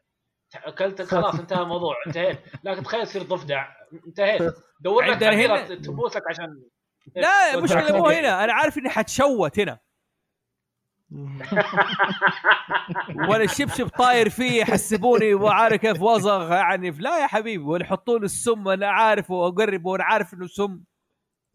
لا لا يا عمي. هذه هذا أفكار تخوفني بزياده طيب مرعي كل إحنا بنسأل مين أشهر كتاب الرعب والروايات؟ أو رموز الأدب عندنا سواء عرب وغير عرب. تكلمنا عن أحمد خالد توفيق رحمة الله عليه. أحمد خالد توفيق أنا بالنسبة لي هو كان كاتب رعب لكن يتميز بالسخرية عارف كيف؟ آه رواياته دائما ساخرة. يعني رفعت إسماعيل كشخصية أنا اشوفها إيش؟ يعني شخصية ساخرة جدا. يعني بطل عمره فوق السبعين ما أدري فوق الخمسين عارف يعني كبير في السن. لا عنده أي مقدرات ولا عنده قوة لكن ميزته الوحيدة سوء الحظ إنه دائما حط في الموقف إيش؟ السيء في المكان السيء. فما كان يخليني أخ... كمل. كمل عفوا معلش قطعتك كمل. لا كمل كمل. لا لا يعني أقول لك يا بالنسبة أنا أقول لك يا أنا أقول لك أقصد إنه هذه فكرة الرعب. هو من أول الناس في العصر الحديث كتب قصص رعب جميلة حلوة. يعني فيها. جميع من السخريه الاستسلام عارف كيف يقول لك؟ أوكي واستسلمت عارف هذا. لا أحيانا يدهشك رفعت إسماعيل لا يقاوم. عارف كيف ما بيستسلم. زي في اسطوره رجل الذئب. وطلعت الحادثة ما بحرق الناس اللي ما قرأت يعني بس إنه أحيانا ما يخاف. إنه يقاوم ويدهشك في النهاية ما بحرق على الناس. تفضل مرعي هو سؤال رحمة الله عليه عن سبب اختياره لل- للشخصية هذه بالمواصفات هذه.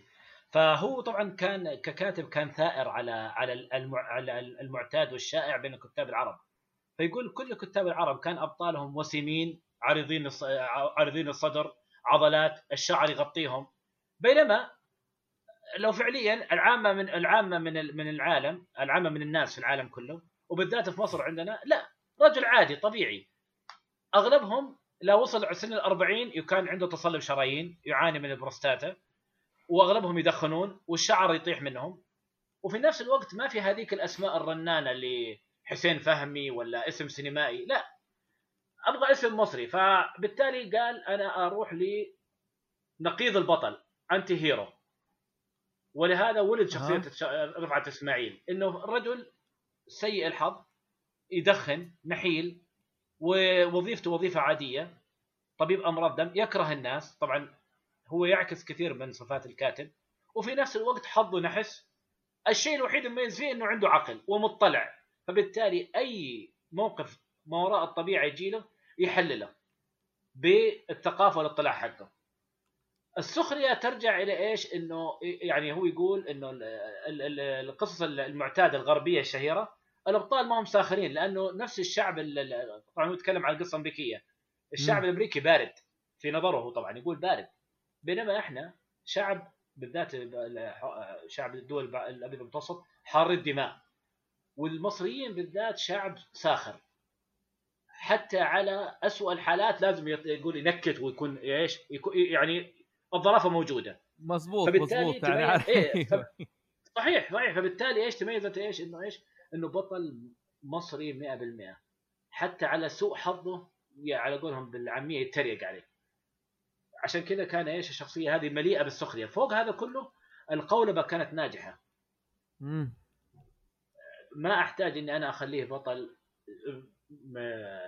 وسيم زي ما قلنا ولا ولا قوي لا عادي جدا. فصعب إني إيش أجيب شخصية القراء في الثمانينات متعودين عليها زي قصص اللي هي اللي انتشرت ذيك الأيام اللي هي المغامرون الخمسة وقصص نبيل فاروق. تختخ ونبيل فاروق قصه فاروق وفي تذكرون قصص الشياطين ال 13 غير غير مستحيل آه، هذا اسمه الملف المستقبل. أيوه هذه كلها كانت إيش؟ تقليدية بحتة. أغلبها فيها أفكار غربية. فهو لا كان ثائر على هذا الشيء فعشان كذا قولب البطل بشكل مصري بحت. إيه إيه. وفوق هذا تفضل. إيه, إيه، كمل كمل. لا بس بختم بشيء بسيط. وكان هو فعلا وأنا واحد منهم كان البوابة اللي عرفني على كثير من الأدب الغربي. وأولهم ستيفن كينج أنا صراحة ما عرفته إلا عن طريق أحمد خالد توفيق. تفضل يا محمد. أي. آه شوف أنا يمكن بعد من الناس اللي ما بقول إن كل كتبه كذا بس إنه يعني عنده صراحة ثنائية عظيمة آه اللي هو آه تامر إبراهيم. طبعا كاتب أيضا مصري. آه عنده ثنائية صانع الظلام.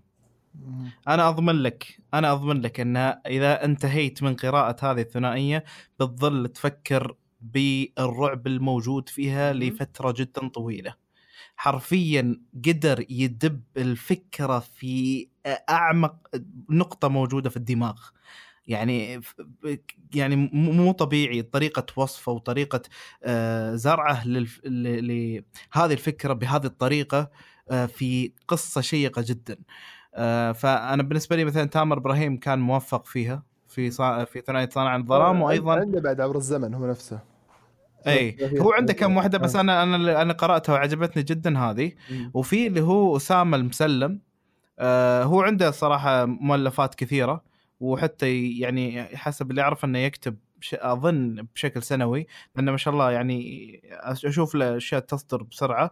آه لكن اللي من بين كتبه كان اللي هو كتاب خوف. آه أيضا كان موفق يعني في عنده هو خوف آه عبارة عن جزئين. فأنا هذول اللي يكتبون في الرعب واللي أشوف إنهم يعني موفقين فيه. تامر إبراهيم بالمناسبه ترى متأثر كثير وتلميذ أحمد خالد توفيق بالمناسبه الله عليك. أنا هذا اللي كنت بقوله. يعني أيوة هذا اللي ذكرني لأن إيه وأنت توصف رفعت إسماعيل حرفيا كأنك قاعد توصف الشخصية الرئيسية اللي هي يوسف في آه، كتابه اللي هو صانع الظلام. إنه يعني آه، سيء سيء. آه، شو اسمه سيء الحظ. وتقليدي. وما هو مثالي.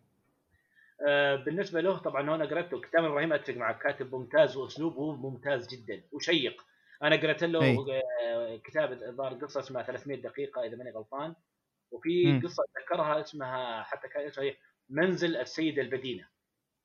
وكانت يعني فيها فيها فكرة مرعبة وفي نفس الوقت كان فيها سخرية محببة لل- لل- لل- للقارئ. فأتفق معك كتاب إبراهيم ممتاز. لكن صانع الظلام كويس حمستني عليه. طيب آه، أمجد عباس أظن أو حق حوجن مين قرأها؟ إيه آه لا اللي هو إبراهيم عباس. إبراهيم عباس آسف. آه آه، لا هي ما هي رعب يعني أكثر منها يعني آه، رواية رومانسية. ان هي الفكرة إن إنسية تحب جن أو شيء زي كذا حلو. تحب جني ويعني شيء زي كذا بس إنه لا ابدا ما هي رومانسية. طيب. إي أي اشوفها رومانسيه أكثر طيب مين؟ على فكره على فكرة بس فكره فكرة الجن نفسها. أيوه. وممكن تقول في بعضها مرادفات عند مثلا الشرق والغرب. آه ترى في شيء يميز الجن مثلا عند ال- عندنا هنا أن ترى ما هو بالشرط انه يكون الجني معناته مصدر شر أو مصدر خطر أو مصدر رعب. يعني في منهم يعني عرفت اللي منهم المسلمين ومنهم اللي اللي ما اللي ما, ما, يكون في أي آه تماس رعب معهم. مو فهذا ترى شيء هذا مميز عندنا إنه يكون إنه ما هو كل جني مثلا مصدر خوف ومصدر رعب. نعم نعم ف... فهذا شيء إلى حد كبير يعني تحصل مثلا إنه لا ما هو شرط كل جني معناتها معناتها إنه شيء مخيف. فممكن حتى نسمع قصص كثيرة إنه لا انه إنه لا مثلا والله جني مثلا يدلك على طريق مثلا ضايع مثلا ولا جني مثلا آه غير. طبعا في بعد في الارواح ال- الخيرة مثلا عند اليابانيين وكذا والكوريين وكذا. في حتى شفنا مثلاً فيلم محمد The Wailing آه، إيه. هو على سيرة الجن وما الجن. آه طبعا الدكتور عديل آه، اربش أظن في خربش آه الحربش. الحربش الحربش. إيه. أتكلم عليها جزاه الله خير على الموضوع ال- هذا في حلقة بودكاست ثمانية. اتكلم عن فكرة إنه فعلا الفئه الغربيه دائما يجي التصور هذا. الظاهر التصور حق الجن بالطريقة الشنيعة في الغرب بسبب كتاب شمس المعارف. إيه. حلو؟ كتاب شمس المعارف آه بيصور الجن دائما بطريقة مرعبة شياطين. وشياطين و... والكوكب الأحمر بالمناسبة. يعني. حاليا الكتاب هذا متداول في الغرب تمام؟ وفي كم شخص قاعد يصدر عنه بودكاست. معاه واحد مخطوطة دكتور فجاء اسمه علي عليمي أظن. أما آه، هو أصله عربي فعربي أمريكي أو شرق اوسطي أمريكي. وقاعد يقرأ بالظاهر من الكتاب هذا وينزل بودكاست. حلو؟ ففي تصور دائما إنه الجن بالطريقة هاي بطريقة مخيفة عارف؟ غير بعكس زي ما قلت أنت ضداني لا الجن عندنا تلاقيه مرة يزعل على الولد مرة يخاف مرة عارف كيف يبكي مرة هو يكون إيش؟ حزين. عالم تاني أمم أمثالكم يعني. ثقل اخر ثقلين ثقل اخر أيوه أيوه بالضبط يعني. ها فهذه يعزز عنده ثقافه طبعا في من أنواع الرعب مثلا آه ال- البيولوجية. تحول وحوش الفيروسات. ألو؟ معك معك لا عشان معك- الشاشة. معك، تفضل، لا لا. عشان عشان الشاشة بس قفلت عندي فحسبت إنه إيش؟ آه. انقطع. آه آه، ال- البيولوجية الوحو... زي ما قلت الوحوش الفيروسات. غير كده مثلا آه زي اسطوره رجل الذئب مثلا المتح... يعني آه، دكتور هايد ودكتور جيكل. okay بتعتمد على المادة. هي فل... شوف ذاك العصر كانت فلسفية أكثر من حكاية إيش؟ آه رعب. لكن لكن في رواية اللي أنا أبغى أقرأها بصراحة وأشار عليها الدكتور أحمد خالد توفيق دائما في الثنايا وإلى الآن ما اطلعت عليها. يمكن تعرفوها. The Monkey's Paw مخلب القرد. أوه، مخلب القرد. هذه تعتبر واحدة من أكثر القصص المرعبة اللي كتبت في التاريخ في إن لم تكن مرعبة. أحد قرأها اطلع عليها حق W W جاكوبس جاكوبس نعم نعم. اطلعت عليها؟ قصيرة هي طبعا. إيه قريت القصة أنا. ادينا عنه هي طبعا قصيرة. هي هي فكرتها طبعا اللي كتبها جاكوب W W جاكوب. طبعا هي هي الوحيدة اللي قراها. آه، عفوا اللي كتبها. اللي هو كان اسمه ويليام جيكوب وطبعا أيوه. هو آه، إنجليزي. ال- القصة باختصار شديد أو قصيرة هي. القصة تتكلم عن آه، آه، جنرال في الجيش البريطاني. كان في ال- في الهند. ورجع آه، طبعا راح آه، رجع بلده وراح لعشاء عند واحد من من أصدقائه. وصديقه هذا طبعا آه، فقير. حتى مكتوب في القصة كذا فقير. أوف. لا عفوا قصدي هو لا مو فقير فقير هذا يجي بعدين راح تعشى عند واحد من أصدقائه. الجنرال يحكي صديقه يقول له أنا قابلت واحد فقير في الهند. طبعا فقير مقصود فيها رجل فقير. وهذا الفقير بدون دخول في التفاصيل أعطاني مخلب القرد ومخلب القرد هذا في- فيه يحقق لي ثلاث أمنيات. إذا تمنيت الامنيه يحقق لك إياها. حلو قال ال- حلو. ال- ال- الجنرال قال أنا ما أبغى ال- ال- ال- المخلب هذا صراحة لأني سمعت إنه كل أمنية تتحقق بيقابلها بالمقابل كارثة تصير لي. مصيبة. إيه. بالضبط. فصديقه هذا أساسا فقير ورجل يعني آه، على قد حاله. وفي نفس الوقت عليه ديون والبيت مرهون.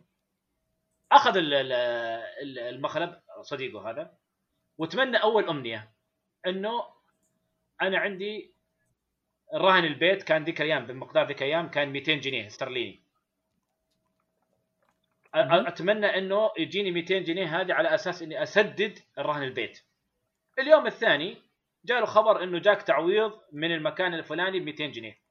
طيب إيش سبب التعويض؟ ولده كان يشتغل في مكان ومات انقتل طاحت عليه أوف. سقاله خلاص خلاص لا تكمل الناس قصة إيه. كذا. عارف آه كيف؟ هي هي القصة جميلة حلوة ما هي القصة جميلة جدا. طبعا كثير يعتبرونها انه إيش؟ إنه بداية القصص أو تيمة اللي إيش؟ انتبه مما تتمناه. أيوه لا من جد. طيب أنا ترعبت زيادة عن اللزوم. أنا ونختم يعني. okay؟ يعني بي اتكلمنا عن أفلام وأخذنا دوره يعني أفلام رعب دائما كثيرة لكن ممكن أسمح لكل واحد يعطيني يختار لي فيلم واحد ينصح الناس إنها تشوفه مم. تمام وألعاب فيديو وبعد كده نسمع أسئلة إيش الناس اللي معنا مم. تمام okay ضيضان إيش الألعاب والأفلام اللي تنصح فيها الناس آه، طيب آه، شوف في في ألعاب لكن ودي جزئية أبغى أتكلم أيوة، عن- أيوة، أبغى أيوة، أتكلم روح، عن- أبغى روح. أتكلم عن لعبة أو تجربة تكلم تكلمنا عنها سابقا والشباب يتفقون معي فيها يعني تكلمنا معها عنها واجد يعني. اللي هي التجربة اللي نزلت على البلاي ستيشن قبل تقريبا ست سنوات اللي هي PT اللي هي سايلنت هيلز مشروع سايلنت هيلز مهم. التجربة هذه جمعت مجموعة أشياء يعني آه، فيها آه، لعب على وترفوبيا فيها لعب على الفلوركور وفيها لعب على ال- الجدار الرابع. فيها كل شيء. اي و- وفيها استخدام بخارج عن الرعب فيها استخدام فكرة العقل الجمعي. إن فيها ألغاز ما تنحل أو, أو ممكن تنحل بشكل فردي لكن عشان تنحل بشكل يعني أوضح يكون الناس يتواصلون على النت على مواقع التواصل عشان يبدون يطلعون حلول. ف... فمثلا على سبيل المثال زي ما ذكر أحمد نورعي قبل عنها إنه قال إن موضوع الممرات فيها يسبب لك كلوستروفوبيا اللي هو الرعب من الأماكن المغلقة أو الضيقه ف... فبالتالي PT يعني طرحت طرحت مجموعة أشياء في الرعب آه، بنت لك ال- ال terror إنه كيف إنك طول الوقت أول ثلاث لفات لف أربع لفات ما تشوف شيء فعليا. مرة تسمع صوت مرة باب يتسكر أنت هنا تبدأ تصاعديا. فعليا فعليا هو قاعد يسويه قاعد يزرع فيك فكرة. لين توصل اللفه أي. الخامسة. اي تقريبا الخامسة أو أو, أو الرابعة ناسي بالضبط. تشوف لأول مرة أول كائن قدامك. الكائن هذا عبارة عن شخصية مستلهمة من ال- الموروث الياباني. ما أدري إذا ممكن تكل- تكلمون عن تكملون عني يعني على أساس إنه بس نتشارك في المعلو- في المعلومات. هو. هو. الفكرة إنه ت- إنه إس- اسم ال اسم ال- ال- اليابانيين عندهم في تراثهم إذا كان شخص توفى ف- و- و- ومع- يعني ما دفن بطريقة لا- لائقة أو ما لقى ال- ال- الاحترام في الجنازة حقه يصير شبح هائم. فإيش؟ فيظل يآذي ذويه أقاربه يآذيهم. ومستحيل إنه على قولهم يروح لمرحلة اللي هو ال- السلام أو ينتقل إلى عالم الأموات ويرقد بسلام في هذه الطريقة. فإيش اللي يصير؟ اليابانيين خوفا من هذول الناس هو في أوغست عيد سموه عيد الأوبن. مهرجان الأوبن. هذا العيد يكرسون كل أوقاتهم أو كل اليوم هذا يكرسونه يوم أو يومين ماني متأكد من المعلومة. يكرسونه إيش؟ لمراضاة الأموات. ويقدمون فيه الأكل للمحتاجين ويرقصون رقصات معينة وترانيم معينة بحيث الأرواح هذه تشوفهم. طبعا الترانيم هذه تكون أغلبها تأسف منهم. إذا كانوا زعلوهم. ويسوون جنازات وهمية.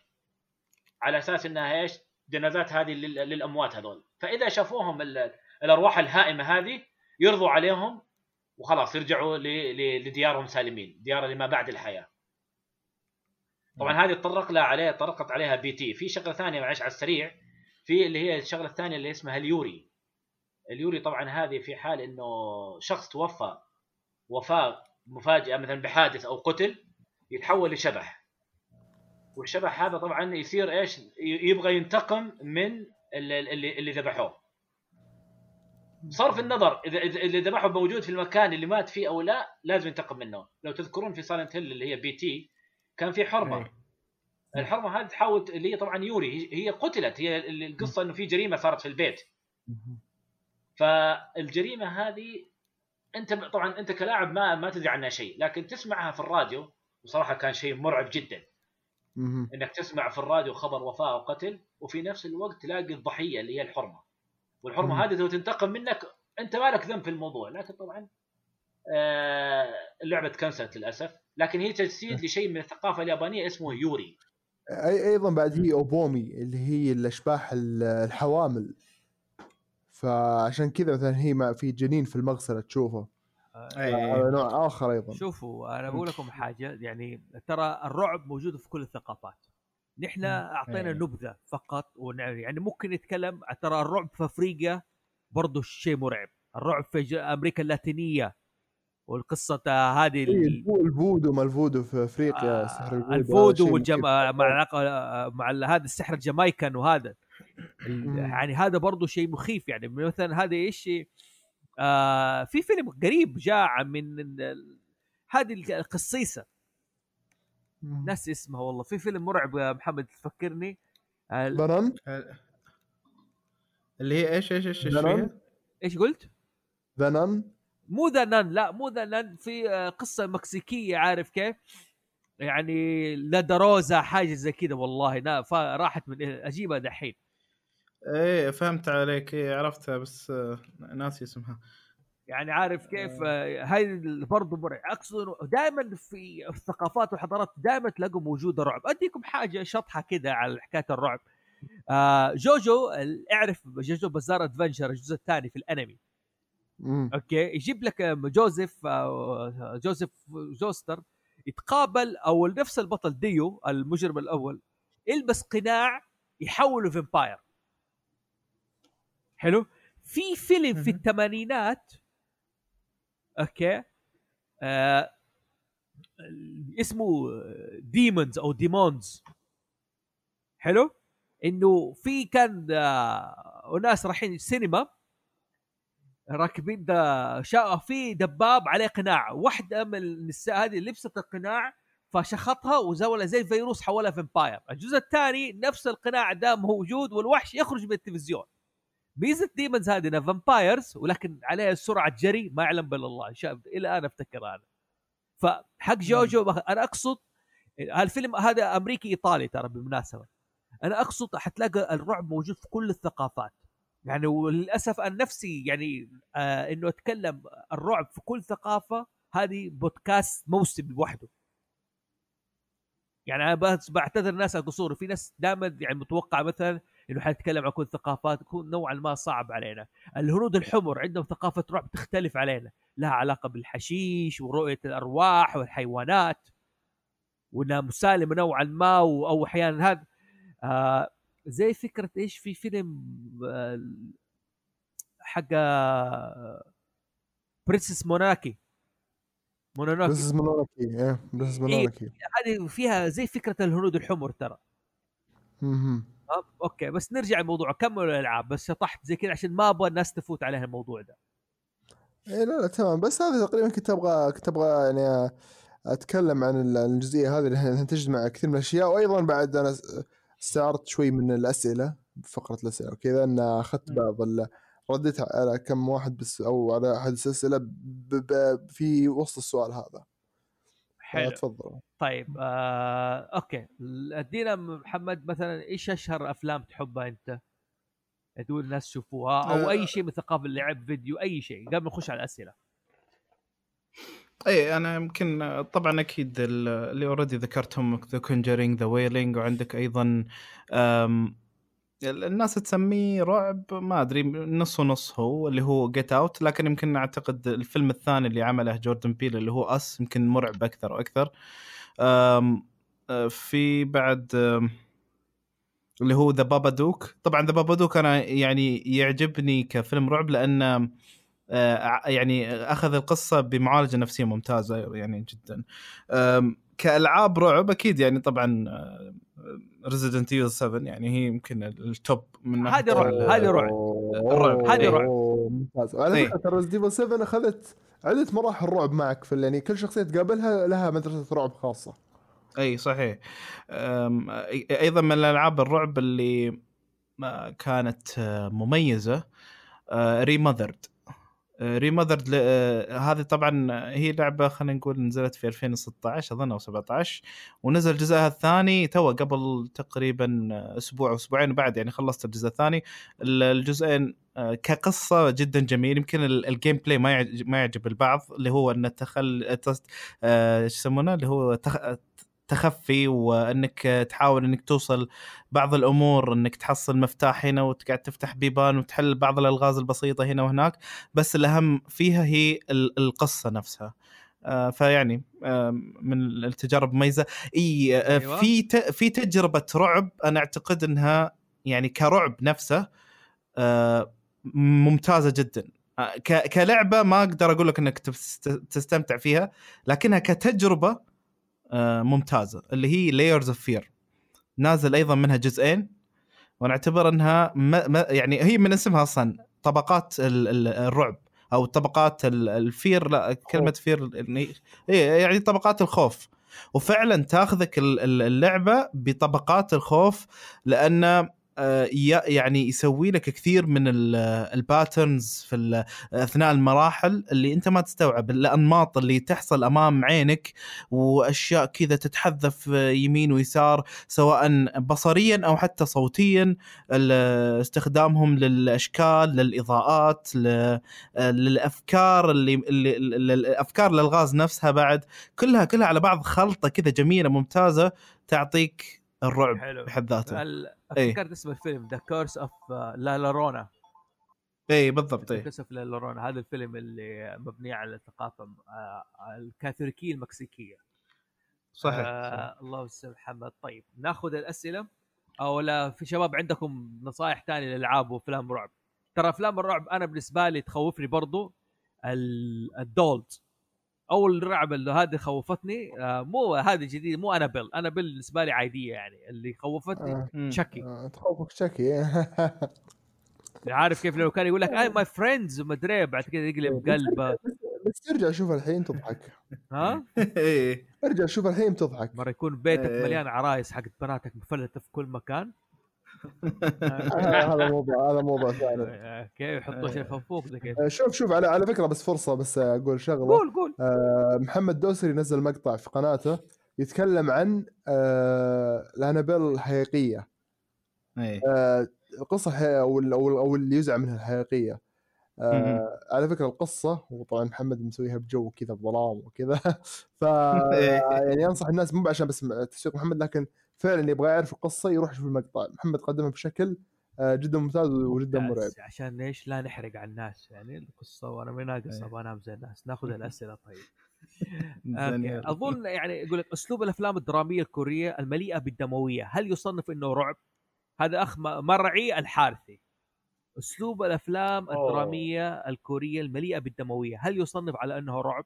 وكيف يتم تصنيف أفلام الرعب أصلا؟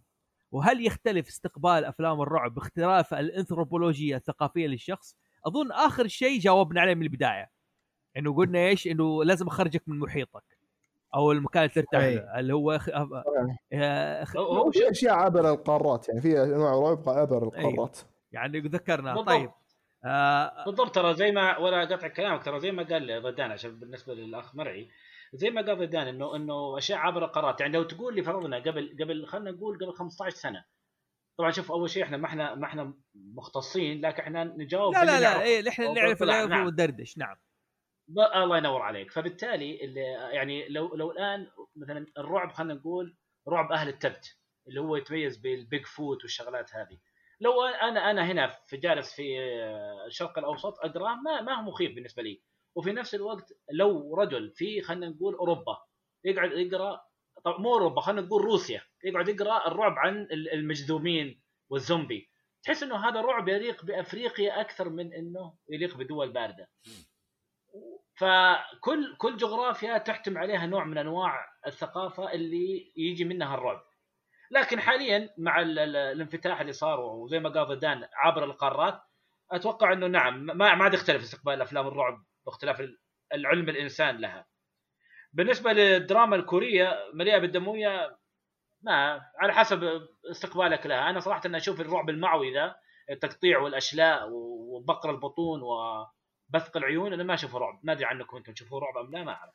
أي نفس وضعك تقريبا. أنا ما أعتبر ان إن نوع من الرعب. هو يمكن يمكن آه، قشر قشر شوي اللي ممكن شيء يعطيك في في لحظتها بس. الجروس أوت المستوى الأول. آه لكن مثل ما قال ذكر هو الأفلام الدرامية الكورية مليئه بالدموية أنا أتوقع ممكن هذه تميل الأفلام ممكن تصنف على أنها جريمة حتى أكثر من كونها رعب حلو لما تكون والله أتوقع أتوقع من من كلامه حسيت يتكلم عن اولد بوي مثلا وكيف يتم تصنيف أفلام آه. الرعب أصلا؟ آه، طبعا آه، هذا تكلمنا فيه لما تكلمنا عن هيتشكوك وإنه في أيه. في فاصل بسيط بين ال... بين التشويق وبين الرعب و... و... ونشوف مثلا كلام تكلمناه بدايه الحلقة ان إن هل هل هذا الشيء هذا مثلا يندرج تحت ثلاث مراتب الرعب؟ هل هذا يخليك تخاف؟ هل هذا يخليك تزرع فيك فكرة؟ هنا خلاص إذا هذه كلها موجودة طبعا هم غالبا غالبا تزرع هي في آه، أو يعني خلاص المخرج يسويها ويقول حق مثلا لما يجي ينتج يقول هذا فيلم رعب فأنت تقرأ فيلم رعب لكن في أفلام المنتج ما يقصد مثلا إنه يكون مثلا فيلم رعب لكنه يطلع مرعب مثل إيش؟ مثل مسلسل تشيرنوبل كارثة تشيرنوبل اللي حصلت اي اي اي اي هذه آه، المسلسل المسلسل ما لو تبحث ما في أي تصنيف رعب لكنه من أرعب المسلسلات اللي شفتها. شيء مرعب الأصوات صوت الجهاز اللي يستشعر الطاقة النووية وال- والاشعاع ال- آه، الناس كيف كيف إنه مجرد ما إنك شخص تمر جنب يعني حجر بس مشبع بال- بالاشعاع النووي بكرة تقوم أو بعد يومين تقوم أنت أشبه بالهيكل العظمي. آه شيء شيء مخيف شيء شيء فعلا مخيف. فممكن أحيانا اشياء أنت لما تبدأ تخاف هنا تعرف انت نفسك شعورك وإحساسك الغريزي بالخوف ممكن هو اللي يعطي الشيء هذا إنه يكون رعب ولا لا. زي مثلا في ناس يخافون من أشياء يعني ترى في ناس يخافون من بابا فرحان. ف والله شوف ف... أقول لك حاجة على الوصف هذا على كسر بنتي. والله العظيم لو أنت تسمعها والله منطقي. تقول أنا مرة إيه. أنا مرة أشوف رجال شخص أوكي؟ لابس ع- أشوف واحد عروسة باب فرحه تقول أنا ما أخاف لكن متى انفجع أول ما يفتح راسه إنه راس جوا إيه. إنسان عارف كي يعني في كأنه بالع. الشخص هذا كان خيالها أقول لها يا بنتي هو. متنكر كان ما هي مستوعب إنه الشخص ممكن يتنكر. فعارف مره سمعت ردها كان من جد يعني منطقي اي ف... ففي في يعني في شغلات آه، يعني ممكن على على الشخص نفسه. مثلا زي هنا ندخل بأشياء فوبيا مثل زي فوبيا المهرجين وأمور زي كذا أشياء يعني كثيرة. مو لكن عموما تصنيف الرعب ممكن مثل ما قلت تطبق عليه آه، ممكن ممكن نفس إحساسك اللي اللي يدلك وممكن إذا تبغى تأخذه بطريقة مثلا آه، مرتبة تسقط عليه مراتب الرعب وتشوف هل هو يندرج تحتها ولا لا. في جميل في مداخلة قصيرة جدا. أدخل. آه، موضوع تأسيس الخوف زي ما ذكر محمد قال من البداية إنه يعطيك مثلا في أفلام الرعب يعطيك اللي هو يتعلق بالشخصيات وخلفية ال- ال- ال- الفكرة كلها. لو تلاحظ Silent Hill الأول طبعا ذيك أيام كانت Resident Evil في عزها وكانت تسمى رعب بقاء. Silent Hill جات على العكس تماما على النقيض. أعطتك إيش؟ لعبة أنت تمشي في الظلام تائه مشرد بلا توجه. فطول اللعبة أنت ضمن جو متوتر. تمشي تسمع أصوات غريبة ضباب تدخل مكان تلاقي فيه أسرة مقطعة دماء أش... مخربطة في الجدران. مرعي؟ قطع الصوت ترى. ألو؟ مرعي. طيب شكله فصل عنده. أوكي يرجع معنا يرجع ثاني. أوكي. طيب. يرجع يرجع. إيه يرجع ما عليك ويكمل طيب إينا تشان هل الفقد ممكن يتحول إلى رعب الفقد أو الاختفاء؟ يعني هو شوف هو هو أكثر إنه خوف. النوع الثاني قلنا عنه اللي هو الخوف. هو فعلا هو الخوف خوف من الفقد. عموما الواحد واحد دايم عنده خوف من المستقبل بشكل عام. يعني الواحد لو لو بيقعد يعرف المستقبل لو يعني يبدأ يشوف المستقبل ما راح يعيش حياته. يعني- فعليا ما راح يعيش حياته لأنه لأنه بيعرف إنه في التاريخ الفلاني بيموت أبوه في التاريخ الفلاني بتموت أمه في التاريخ. يعرف اي ف... فمجرد ما الشخص يبدأ يعرف الأشياء هذه هنا هي بيتحول بينجن. فعلا نرجع موضوع كثير في البداية إن الواحد لما يكشف عنه يعني امور كثيرة سبحان الله رحمة من الله إنه ما يعرف المعلومات هذه أوكي، غير كذا هذا ف- يقول يقول لك من أكثر العبارات السوداوية يقول هل تعلم بأن كل سنة تمر بتاريخ وفاتك؟ ف... ففعليا يعني أنت ما تدري أمور هذه كيف صارت ف... آه، فانت كفايه رعب. رجعت فيه إيه. لما قلت آمين اليوم حروح فيقول لك أحيانا حتى يقول لك مثلا يقول لك مثلا ماذا لو كان الشيء اللي أنت تبحث عنه هو أسوأ شيء ممكن يحصل لك؟ في اشياء في أشياء غريبة ممكن تصير أنت لما تفكر فيها أن الفقد الفقد الفقد يعتبر شيء من الأشياء هذه. ف... فهذا أكثر شيء يسمى خوف إنك تخاف من المجهول آه، الرعب مثل ما قلنا قبل شوي وبينا الفرق بينهم. طيب. آه، بالناس هو اقرب أنا أشوفه أقرب للجزع من والهلع أكثر من حكاية إنه خوف. يعني الجزع ما في صبر ما أي. أقدر أف... يعني زي ما عرفنا في البداية إنه الجزع هو ال- عدم الصبر والخوف وهذا. إيه لا هو إيه. هو خوف من المجهول أنت ما تدري متى بتفقد. مزبوط عرفت؟ هذا إيه. وأعتقد انه بعد لأن لأنه هو بعد يتأثر على قناعة الشخص. يعني مثلا آه، في البعض ما, ما يتكون عنده هذا الخوف لأنه مثلا آه، والله هذا دائما يعني يضع الأمر إنه أوه والله هذا قضاء الله وقدره وخلاص ما عندنا اعتراض ما أدري شو. ففعلا يصير يعني آه، النقيض لمسألة الجزع انه هنا صبر. آه، فعلاً، فعلاً. آه، إيه. حلو. طيب آه في سؤال. دقيقة.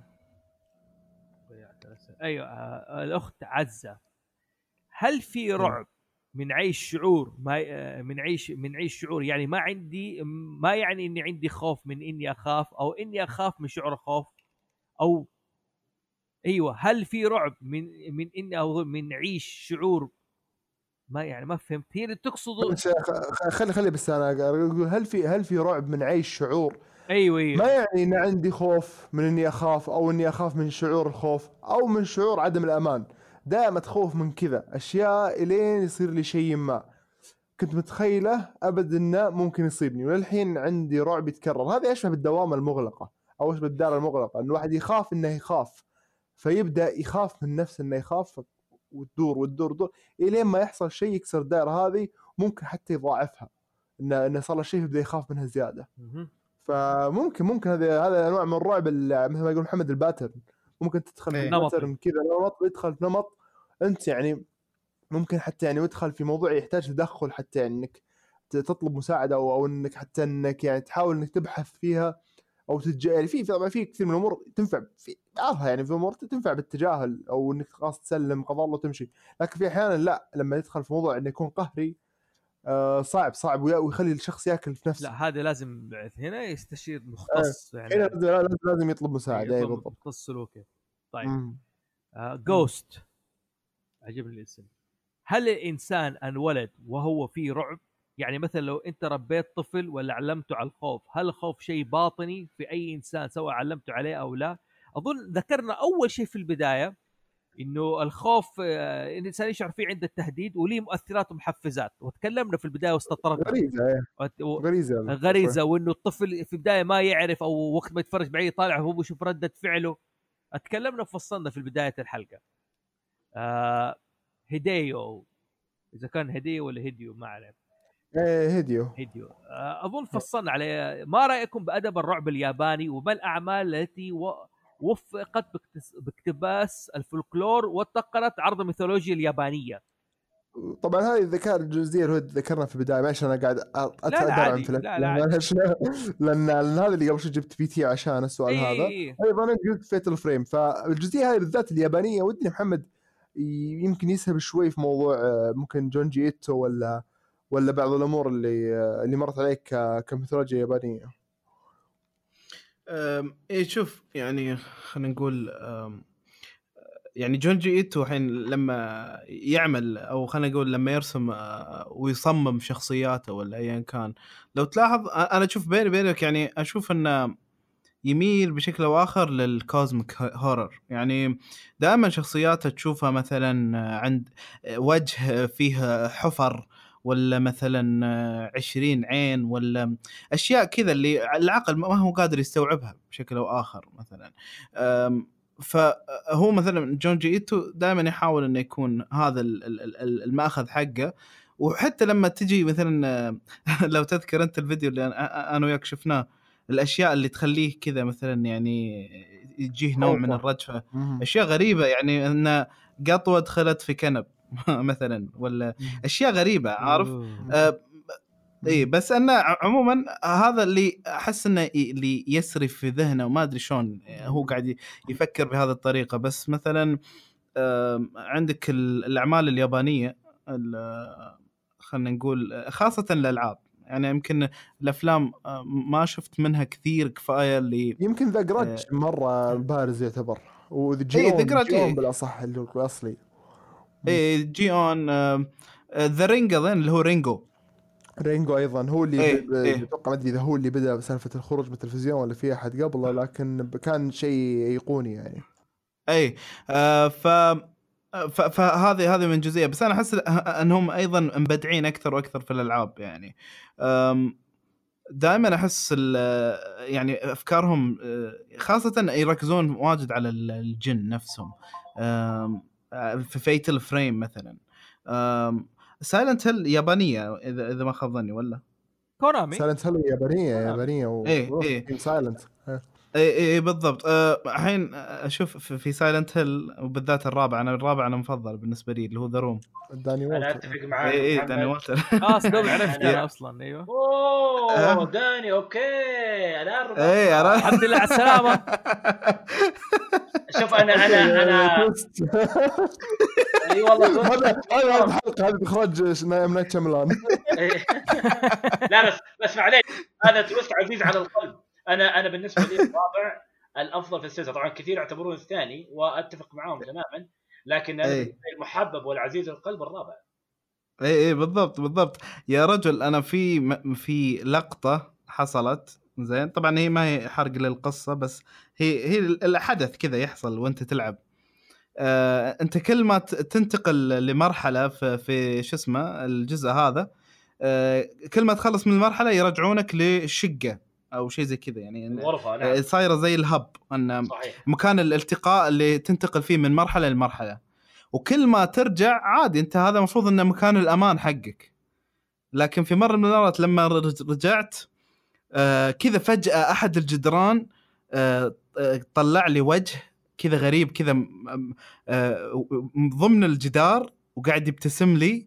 وفي نفس الوقت قاعد يعلي صوت التلفزيون عندي يسوي تات تات تات تات تات, تات كذا ويرتفع يرتفع يرتفع الصوت. كون لي تجربه مو طبيعية كذا مرعبة بشكل مو طبيعي. آه يعني يمكن لما خلصت اللعبة كامل هذا هذا المشهد بحد ذاته اللي أحس إنه كأنه كان قاعد يخاطبني أنا أنت يا محمد أنت اللي قاعد ماسك الجهاز أنا قاعد أكلمك أنت بالذات. طيب. آه، ف ف دائما اليابانيين عندهم هذه اللمسات يعني سواء في أفلامهم أو ألعابهم آه، دائما ألاحظها يعني. هذا غير التليفون اللي؟ غير الت... غير التليفون يا محمد اللي يتصل عليك ولا هون المستمعين الشباب. اي اي أكيد التليفون اللي كان يتصل عليك ويعطيك أخبارك فوق كذا كانت ال- الجزء الرابع لو تلاحظ الجزء الثاني كان وأنت تمشي تتنقل بين المدينة كان في مذكرات. تقراها عن أي. سفاح كان يذبح وذبح 13 أي، أي. ضحيه الجزء الرابع مبني على هذه المذكرات صراحة أنا أشوف إنها كانت قمة العبقرية من الفريق التطوير فعلا فعلا صحيح طيب. أوكي عشان تلحقوا المباراة وما شاء الله كملنا almost ثلاث ساعات يعني تقريبا 48. ما شاء الله أوكي لكن عشان بس للتوضيح آه يعني في ال- الكتاب حقون رعب كثير وفي ناس لهم خيارات كثير يعني مثلا ادجار الان بو معروف إنه كاتب معروف. آه برام ستوكر كاتب قصة إيش؟ دراكولا. يعني دراكولا أصلا يبغى له جلسة لوحده. في شخصية كاتبه قصص رعب هي ان رايس. صاحبه شوف تعرف فيلم Interview with Vampire ولا Queen of the Damned أيوه. نعم. أوكي. آن رايس بتقدم فكرة الرعب من الخلود نفسه. يعني زمان الاساطير كان أشخاص يبحثوا عن الخلود هذه بتحت اشخاص يبحثوا عن الخلاص إنه لغاية متى أموت أنا؟ يعني دائما تلاقي في فكرة وفكرة مناقضة. عموما يعطيكم ألف عافية شباب. والله أنا شخصيا استمتعت الحلقة دي وهذا وحدي عليكم إن شاء الله إنه أنا أكون كويس. لأنه يعني جبتوا أشياء رعب مخيفه كل شوية تلفت يعني وقبل شوية انطفى المكيف حق الغرفة بس. لا مو الحين فوزي فوزي مو الحين. لا أنا أكشن من بدري يشتغل ترى ما عليك لا ما راح يجيك شيء الحين. طيب. ممكن الساعة ثلاثة إلا ربع كذا. لا حكون نايم. خلاص مش هذا المشكلة إنك إنك تصحى على شيء. لا لا حكون شايب. ما حيصحيني غير الحمام الله يكرمكم بس أروح. و- وفي شيء يستناك آه، طيب قبل ما تقفل فوزي بس بذكر شغلة سريعة لك آه، يعني أو لل يعني للحضور وأيضا المستمعين آه، في فيلم صراحة يعني هو مو يعني ما هو ذاك الزود إنه جميل وكذا بس إنه يعرفك على الكاتبة اللي هي شيرلي جاكسون? اللي كتبت آه، كتاب The Haunting of Hill House وأيضا كتبت روايات رعب أيضا ناجحة غيرها. الفيلم يسلط الضوء على أنها آه، كيف كي كانت داخلة في قفص نفسي وأيضا قفص في عقلها أنها مخليتها إنسانة ما تنبغى ولا ببيزه لكن بسبب العقد اللي هي قاعدة تعيشها في حياتها قدرت تفجرها كلها في في الروايات اللي قاعد تكتبها. حلو. آه، إي في يعني هي أنا أعتقد المسألة معقدة كثيرة وم- يعني يحتاج لها نقاش مطول جدا بس يعني قلت ممكن أنا أقول لك ال- الفيلم ممكن ما يعجبك بس أهم شيء يوصل قصتها يعني. أنا أنا على نفسي نفسي أكمل وعندي أسئلة يعني ما قلت لكم في حضارات رعب ما إيه. دخلت فيها. بس عشان إيش؟ إيه. تكسب الوقت وأنتم تلحقوا المباراة يعني باقي ربع ساعة. إيه، صحيح. لكن عموما يعطيكم ألف عافية شباب. بس تسلم لي الله يعافيك. محمد دوسري. يعني من جد أسعدتني في حضورك معي حلقة. حبيبي ضيضان حبيبي. أبدع اليوم. اي أوكي. بالعكس أنا أحس إني أخاف إني بعد قاطعتكم ولا شيء ولا لا. بالعكس. أنا ما كتبت فيها غير إيش؟ حكاية المفردات اللغويه عشان تساعد الناس تفهم فقط. أما البقية لكم. وحبيبنا مرعي اللي دائما سوى لنا يا. twist كذا يروح ويغيب ويرجع يعطيكم العافية شباب. وباب محفوظ اللي مستخبي معانا بحميد المنتج حقنا.